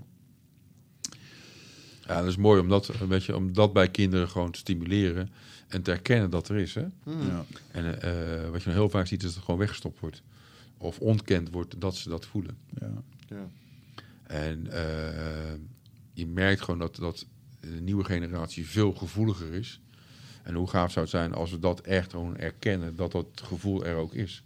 En dat het ook waar is. Ja. En daarmee ook die emoties gewoon mogen zijn. Ja. ja, dat ze er op de juiste manier mee omgaan. Dat is denk ik de... Ik denk dat de... Ja, was de generatie, was jouw generatie minder gevoelig, denk je? Of waren die gevoelig en werd er gewoon anders naar gekeken? Eh, ik, ik denk zo, zonder meer dat ze ge- minder gevoelig waren. Als je ook naar het hele eh, spectrum kijkt van, van Robert Brisma bijvoorbeeld. Hè? Mhm. Die is er heel erg mee bezig met het, het nieuwe tijdskinderen. Eh, dan zie je dat, dat die energie echt anders is. En dat kinderen echt veel wijzer geworden zijn Ja. dan dat ik vroeger was. En dat- En dat onze ouders ook, eh, ook in een ander tijdperk gezeten hebben. Ja. Eh, eh, waar, waar praten over gevoel gewoon niet, niet aan de orde was. Eh, weet je, ik kom nog uit een tijdperk waar eh, mannen niet huilen.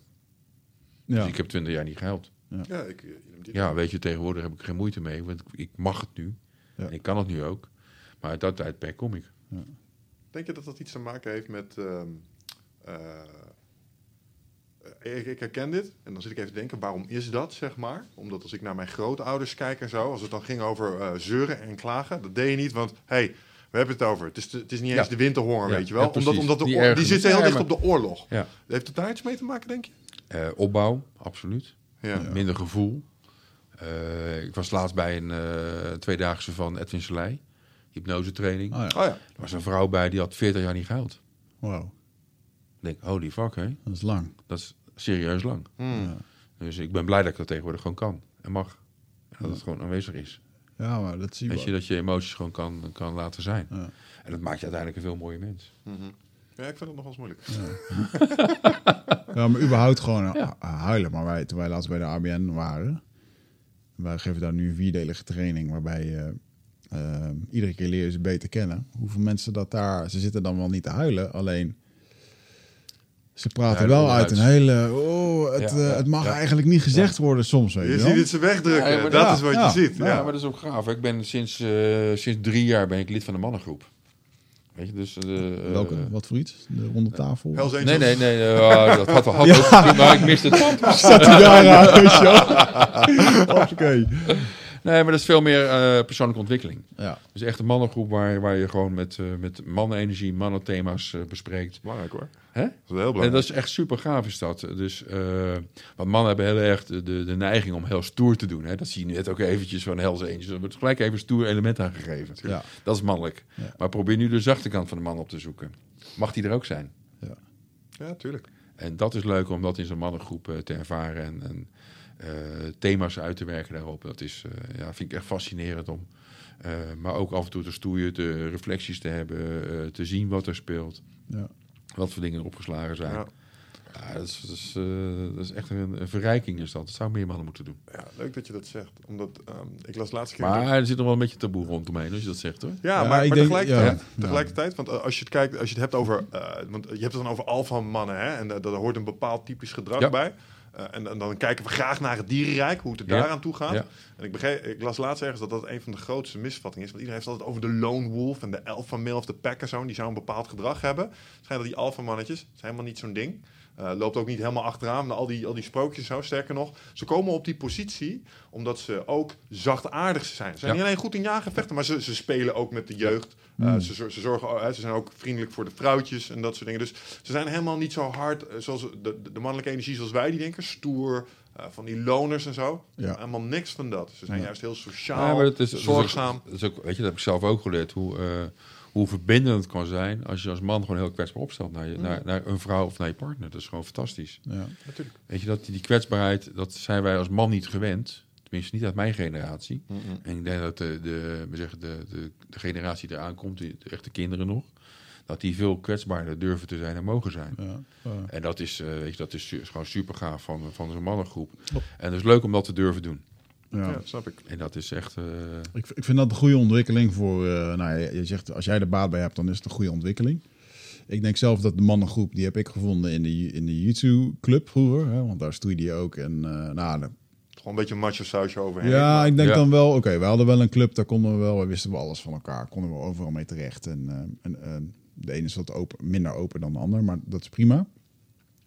Ik denk dat het zijn doel heeft verdiend. Eh, maar ik denk wel dat het. Ehm,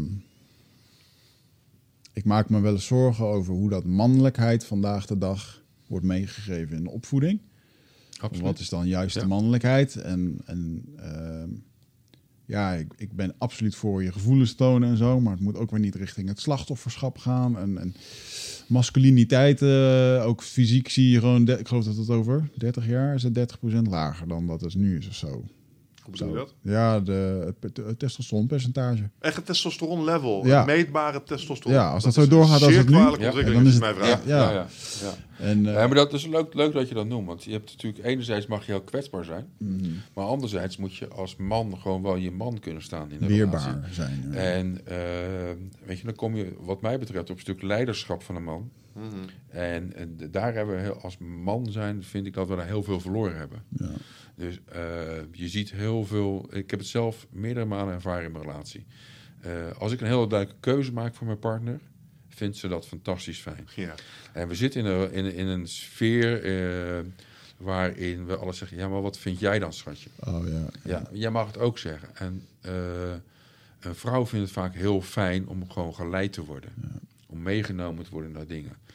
Eh, ik, ik, neem mijn partner wel eens een keer mee naar... We gaan, we gaan daar en daar eten. En die zegt, joh, doe maar twee glazen van dit. En dat vindt ze fantastisch. Ja. Eh, een vrouw wil die leiderschap kunnen voelen. Weet je, dat is biologisch bepaald. Wij mannen gingen vroeger, toen we nog in de grot woonden... Wij gingen jagen. En de vrouwen zorgden voor de kinderen. En de man bepaalde de richting. En dat heeft niks met eh, dat man hoger of lager staat, met emancipatie te maken. Maar vooral met eh, het- verschil tussen man en vrouw zijn. Hmm. En eh, daar zie je, wat je precies wat jij zegt, dat de man niet meer man durft te zijn. In, in zijn duidelijkheid, maar ook in zijn zachtheid. Ja. En we proberen het vooral, eh, de zachtheid, proberen we vooral emancipatie te zoeken.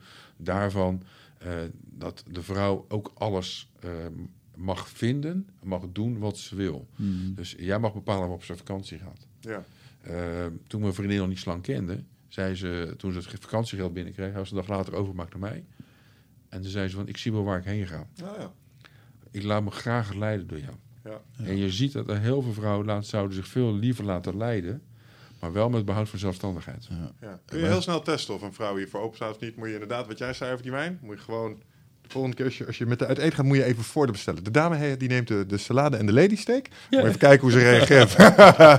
en, en als je het helemaal af wil maken, ga je naar een restaurant waarbij jij de kaart met de prijzen krijgt. Ja. Want die zijn er, hè? Zijn Ja, ja, ja, ja, dan krijg je, de prijs gewoon. Jij- gaat ook. betalen, dan gaan Ja, ze nee, gewoon maar, vanuit. nee, maar dat hoort het ook. Eh, weet je, heel veel vrouwen vinden het eh, fijn als jij gewoon het- de financiële kant neemt. Dat wil niet Ja. zeggen dat je achteraf niet af kan rekenen. Maar op dat moment wil ze lekker in het gevoel zitten. Ja. Weet je, vrouwen zijn in essentie hele gevoelige wezens. Ja. En dat is fantastisch mooi. Mannen zijn veel minder gevoelig. Dat is maar goed ook, want wij moesten vroeger een hert doden. Anders kwam er geen vlees op tafel. Ja, of andere man het hoofd inslaan als het nodig Ja, was. als het nodig is, Ja. weet je wel. Dat is niet een vrouwending, maar is een vrouw een mannentaak. Maar tegelijkertijd zie je dat heel veel vrouwen geëmancipeerd zijn... en die hebben die mannelijke rol overgenomen. Ja. En die zijn veel, eh, veel mannelijker geworden dan ze feitelijk moeten zijn. Die zijn weggegaan uit de vrouwelijkheid. Ja. Ja. En het zou gaaf zijn als dat weer meer hersteld wordt. Eh, eh, waarbij dus natuurlijk uit- wel de gelijkheid blijft tussen mannen en vrouwen. Daar heb ik het niet over. hè. Maar over energieniveau. Ja. Puur het energieverschil tussen mannen en vrouwen. Ik heb een aantal relaties gehad. Een aantal waarbij, eh, je, je zou kunnen zeggen, dat, eh, waarbij eh, sommige van de vriendinnen heel sterk in hun mannelijke energie stonden. En inderdaad die zelfstandigheid en dat soort dingen hadden. Ehm, maar ik merk dat in een situatie waarbij de iets klassiekere rolverdeling tot stand komt, heel organisch, dat ik me, als ik, als ik naar kijk hoe ik me voel en hoe ik me in die relatie voel, vind ik echt veel prettiger. Voelt heel natuurlijk voor Ja, mij. ja. Vind ik gewoon fijn.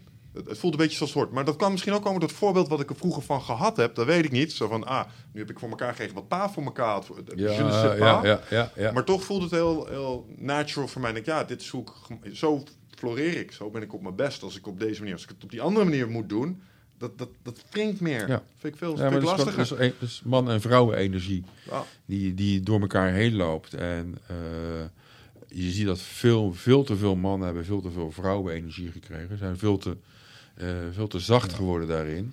En zijn niet meer duidelijk in wat ze willen. Ja. Hè, van een man wordt al nog wel verwacht dat hij een keuze maakt, een richting bepaalt en een doel heeft. En dat was ook wel gaaf. Ook, eh, ik, lu- ik luister veel naar eh, eh, filmmuziek. Oh ja. En eh, de Gladiator. Mhm. Yes. Dat is een fantastische film. En de componist daarvan, Hans Zimmer. Hans Zimmer, een fantastische gast is dat. Die maakt waanzinnige muziek. Die vertelde laatst, ik was bij zijn, muur, bij zijn concert in Amsterdam. Die vertelde laatst dat de Gladiator in oorspronkelijke vorm geen, geen vrouw, zijn vrouw er niet in zat. Hmm. En hij was aan de muziek aan het componeren en hij zegt, waarom vecht die man in godsnaam? Hij zegt, dat moet, dat moet hij voor een vrouw doen. Oh, Hij zo. moet een- ja, ja, hij, ja, hij moet een doel hebben om voor te vechten. Dus op dat moment hebben ze die vrouw, zijn vrouw in, in de film ingebracht. Mhm. Om als component te hebben om voor te vechten. Want anders heeft hij geen doel om voor te vechten. Nee. Een man moet ergens voor gaan. Ja, zeker. Maar die moet een missie. doel hebben. En 9 van de 10 keer heeft daar een vrouw ook iets mee te maken. Juist. Juist. En als hij echt daadwerkelijk een doel heeft, weet je, dan kan hij tot het uiterste gaan. Ja. En dat zag je bij de Gladiator. Die ging echt tot het uiterste. Mhm. Voor slechts één doel. Het verlies van dat moment Ja. van zijn vrouw. Ja. Want die hadden van hem afgenomen. Ja. En dat zie je dat veel te weinig mannen dat doel in hun leven hebben om voor te gaan. Ja. Ja. En het maar laten Dit ging dan ook- leven, maar laten Ja. leven door Ah, wat er is. we hadden hier laatst nog over. We hebben toen een boekreview gedaan. Die is nog niet uit. eh, maar Wave the Superior Man eh, hebben we toen besproken. Dat raakt deze thema's eh, echt Zeker, als ja. geen ander. En Dit gaat dan over een overleden dame, maar dat boek zegt inderdaad wel dat het is ook helemaal niet aantrekkelijk voor een vrouw om een man zonder missie of zonder Precies. ding te hebben. Ja. Sterker nog, vanuit haar bio- en dit geloof ik echt, zeker als we een man als Mark van Vught mogen geloven. Wij worden erop geselecteerd op ons gedrag, op ons Ja. voorkomen en op ons gedrag. En dat zegt iets over eh, je testosteronniveau, Ja. eh, de kwaliteit van je genen. Ja. Ehm, eh, op een onderbewust niveau, en hoewel dat tegenwoordig minder relevant is, geeft het ook informatie over hoe zeker ik jouw toekomst kan maken als je voor mij kiest. Zeker als je zwanger zou raken van mij, want dat is waar moeder natuur uiteindelijk op uit is. Laten we wel wezen, dat is waarom we een heleboel dingen doen. Dat Mm. we ons geen pakket mogen doorgeven. That's it. Dus eh, nee, ja, ik snap Maar als je terug, gewoon terugkijkt naar, weet je, eh, zoals wij nu zijn, bestaan we pas een paar honderd jaar. Ja, Weet je, internet Ja. bestaat pas twintig jaar. 2000, we- we- 20.000 jaar in nederzettingen. Ja. 2000 jaar ongeveer met technologie dat een beetje lijkt Ja. op wat we nu hebben. Ja, dus als je al die tijd ervoor kijkt waar we vandaan komen, weet je, dan kan je dus heel veel kan je daaruit herleiden eh, eh, waar we vandaan komen en Ja. wat onze feitelijke roots zijn. Ja. En die waren gewelddadig. En daar waren mannen, gewoon een bepaald soort man was daar zo af en toe nodig. Maar ik ben blij dat die gewelddadigheid er niet meer is. En wel het comfort van tegenwoordig heel, maar in moet de, ene- altijd in de energie moet je het nog wel even houden hoor. Deze discussie, die hebben we iedere podcast. En dan zie ik, dan zie ik jou zo van, ja maar mannen, Ja, moet joh. het vechten. Ja, Dat is goed? godverdomme. Ja. Denk, denk. En dan bij iedere gast probeert hij dat gelijk te halen. Denk je dan niet dat dat gewoon iets te maken heeft met onze primaire aard om te veroveren? Weet je wel? Zeker wel. Ik weet het zeker. Ja, zeker. Ja, ja, ja. ja, ja. Ja. Ja, maar daar zit die focus in, daar zit die doel in. Een doel willen bereiken. Ja. En hoe gaaf is het, weet je, eh, dat, dat, merken jullie zelf ook. Op het moment dat je in je flow zit met je, met, met je 12 waves, weet je, dan is tijd niet, niet belangrijk meer. Mhm. Als jij op het podium mag staan morgen, weet je, dan is tijd niet belangrijk meer. Dan zit je in je flow, dan, dan, is, dan ga je dat doen wat je leuk vindt. Ja. Weet je, als jij teruggaat naar jouw ICT-baan, eh, daar word je niet happy van, denk ik. Nee. Nou, de reden dat ik eraan moest denken is omdat we het hadden over mannen en hun missie. En een van de dingen die wij daar eh, naar elkaar durfden uit te spreken was... ehm, als het gaat om mannen en vrouwen, en dat vinden vrouwen ook aantrekkelijk... is een man zou eigenlijk zijn missie, zijn purpose, boven zijn relatie moeten zetten. Ja. Dus da- daar zou hij zonder blikken of bloos moeten gaan. Toen ik wichtig vroeg, was ook gewoon volmondig ja. Ja. Ja, dat, Ja. daar zou ik niet van afwijken voor een relatie. En dat moet je zo af en toe denk ik ook kunnen. En ik denk dat als je dat kan, eh, dat je dat pluspunt oplevert. Ja, absoluut. Omdat naar een bepaalde stelligheid, een bepaalde visie, een bepaalde Ja, maar dat, geeft dus echt die mannenkracht, die mannenenergie. Ja. En dat is ook gaaf als je dan in zo'n mannengroep zit. Om dat eh, weet je, verder te onderzoeken, uit te werken en dat, dat bespreekbaar te maken onder mannen. Ja. Ja. Want het is heel wat anders of, er- of je dat met mannen en vrouwen doet. Je hebt hele andere gesprekken, hele andere energie als je hier één vrouw bij zit. Zeker. En Dat alle twee is goed, dat hè? En alle twee is goed, hè? Ik moet altijd lachen toen ik op dat, eh, mijn vorige eh, bedrijf waar 35 IT'ers werkten. Geen, geen vrouwen. En als er dan eh, één vrouw binnenkwam, wijf. verkoper, ja. of nog niet eens, nog niet, hoeft er geen mooie klak, vrouw te zijn hoor. Gewoon Klak, een vrouw. hakken in de, in de gang. Dan, ja, werd, dan werd de deur opengehouden, gingen mensen koffie halen en echt zo, wow, weet je, wat hangt er hier in de lucht? Ja, Ja, Ja, mooi. zeker. Maar hoeveel mannen zijn er, er zijn nog geland naar een vrouw toe? Hoeveel Doe- mannen zijn nog geland? Ja, doe de deur open of, of doe eens een keer wat leuks. Ja, daar moet ik ook meer aan werken. Oh, Dat, eh, bijna. Oh, kijk eens. Hey, Ja. ik, ik date ze af en toe nog een beetje. Ja. Ehm, ik heb open relaties, dus ik heb wat vrijheden. En weet je wat tegenwoordig een onderscheidend vermogen Nou, is? vertel. Eh, communiceren, reageren, Ja. op tijd komen. En Ja. als je te laat bent, dat even van tevoren melden. En Ja. dan doe je het echt Ja, al ja, boven ja, gemiddeld ja. goed. Ja. ja, Ja, dus dat, dat stukje eh, galantheid, dat is gewoon Ja. echt... Ja, ik heb wel eh, gelandheid, probeer ik wel opnieuw te herintroduceren. Ik ben klassiek Ja, opgevoed. dat klinkt dan ook wel zuur. Ja, maar, Ja, ja, eh, maar ja, dit- ja, ja, eh, heerlijk. Dat is weer dat. Ja, maar hoe leuk, maar dat hoe leuk is eh, dat maar dat is net hoe dat je het net wat je zegt, hè? Ehm, jij hebt daar schijnbaar een voorbeeld in gehad die dat deed. Ja, Ik niet. oké. ja. En eh, tenminste, zo zie ik dat voor mezelf. Waarom doe ik dat niet? Ja, het is mij niet geleerd. Ja. Het is- niemand heeft dat mij ooit verteld. je kan dat het je aanleren ja. Nee, mij is dat wel op ehm, het hart gedrukt. Dat is hoe je dat doet. Dus eh, In between. Ja, bij mij. ja, ja, goed. Maar het is ook gewoon leuk om te doen, weet je. Een cadeautje geven is ook leuk om te geven. Ja, Dus iets, iets aardigs doen voor, in dit geval je partner, is ook gewoon leuk om te doen. Ja, daar kan ik wel weer in ik geef er vanavond een massagestoel. Oh, je neemt toch ook mee? Nee, nee, nee, neemt haar hier mee naartoe. Schatje, wil je graag een massage? Kom maar even mee. En dan hier de stoel zetten. Laat ik je hier slapen. Ja, ja. Dan haal ik hem mooi op. Mooi. Top. Hey, we zijn aan het einde, jongens. Ik, ehm, het is twee uur voorbij gevlogen. Nou, nou heb je het ervaren hoe snel dat ja dat gaat gaat. heel, Rap, hè? gaat heel snel. Ja, absoluut. absoluut. Maar ehm, on- ja, nogmaals, onwijs tof eh, dat, je er, eh, dat je er was. Eh, we gaan de stoel zeker proberen de komende Leuk. tijd. We gaan hem ook nodig hebben, denk ik. Ja, En ehm, eh, ik denk namens alle luisteraars, ja, waanzinnig bedankt voor, wat je, voor het offer dat je hebt gebracht. Ja, ik vind jullie hebben het gewoon verdiend. dankjewel man. Absoluut. Ja, tof. Dankjewel. Dankjewel. Merci. Luisteraars, Tot de volgende keer en eh, haal die stoel bij totalseat.nl.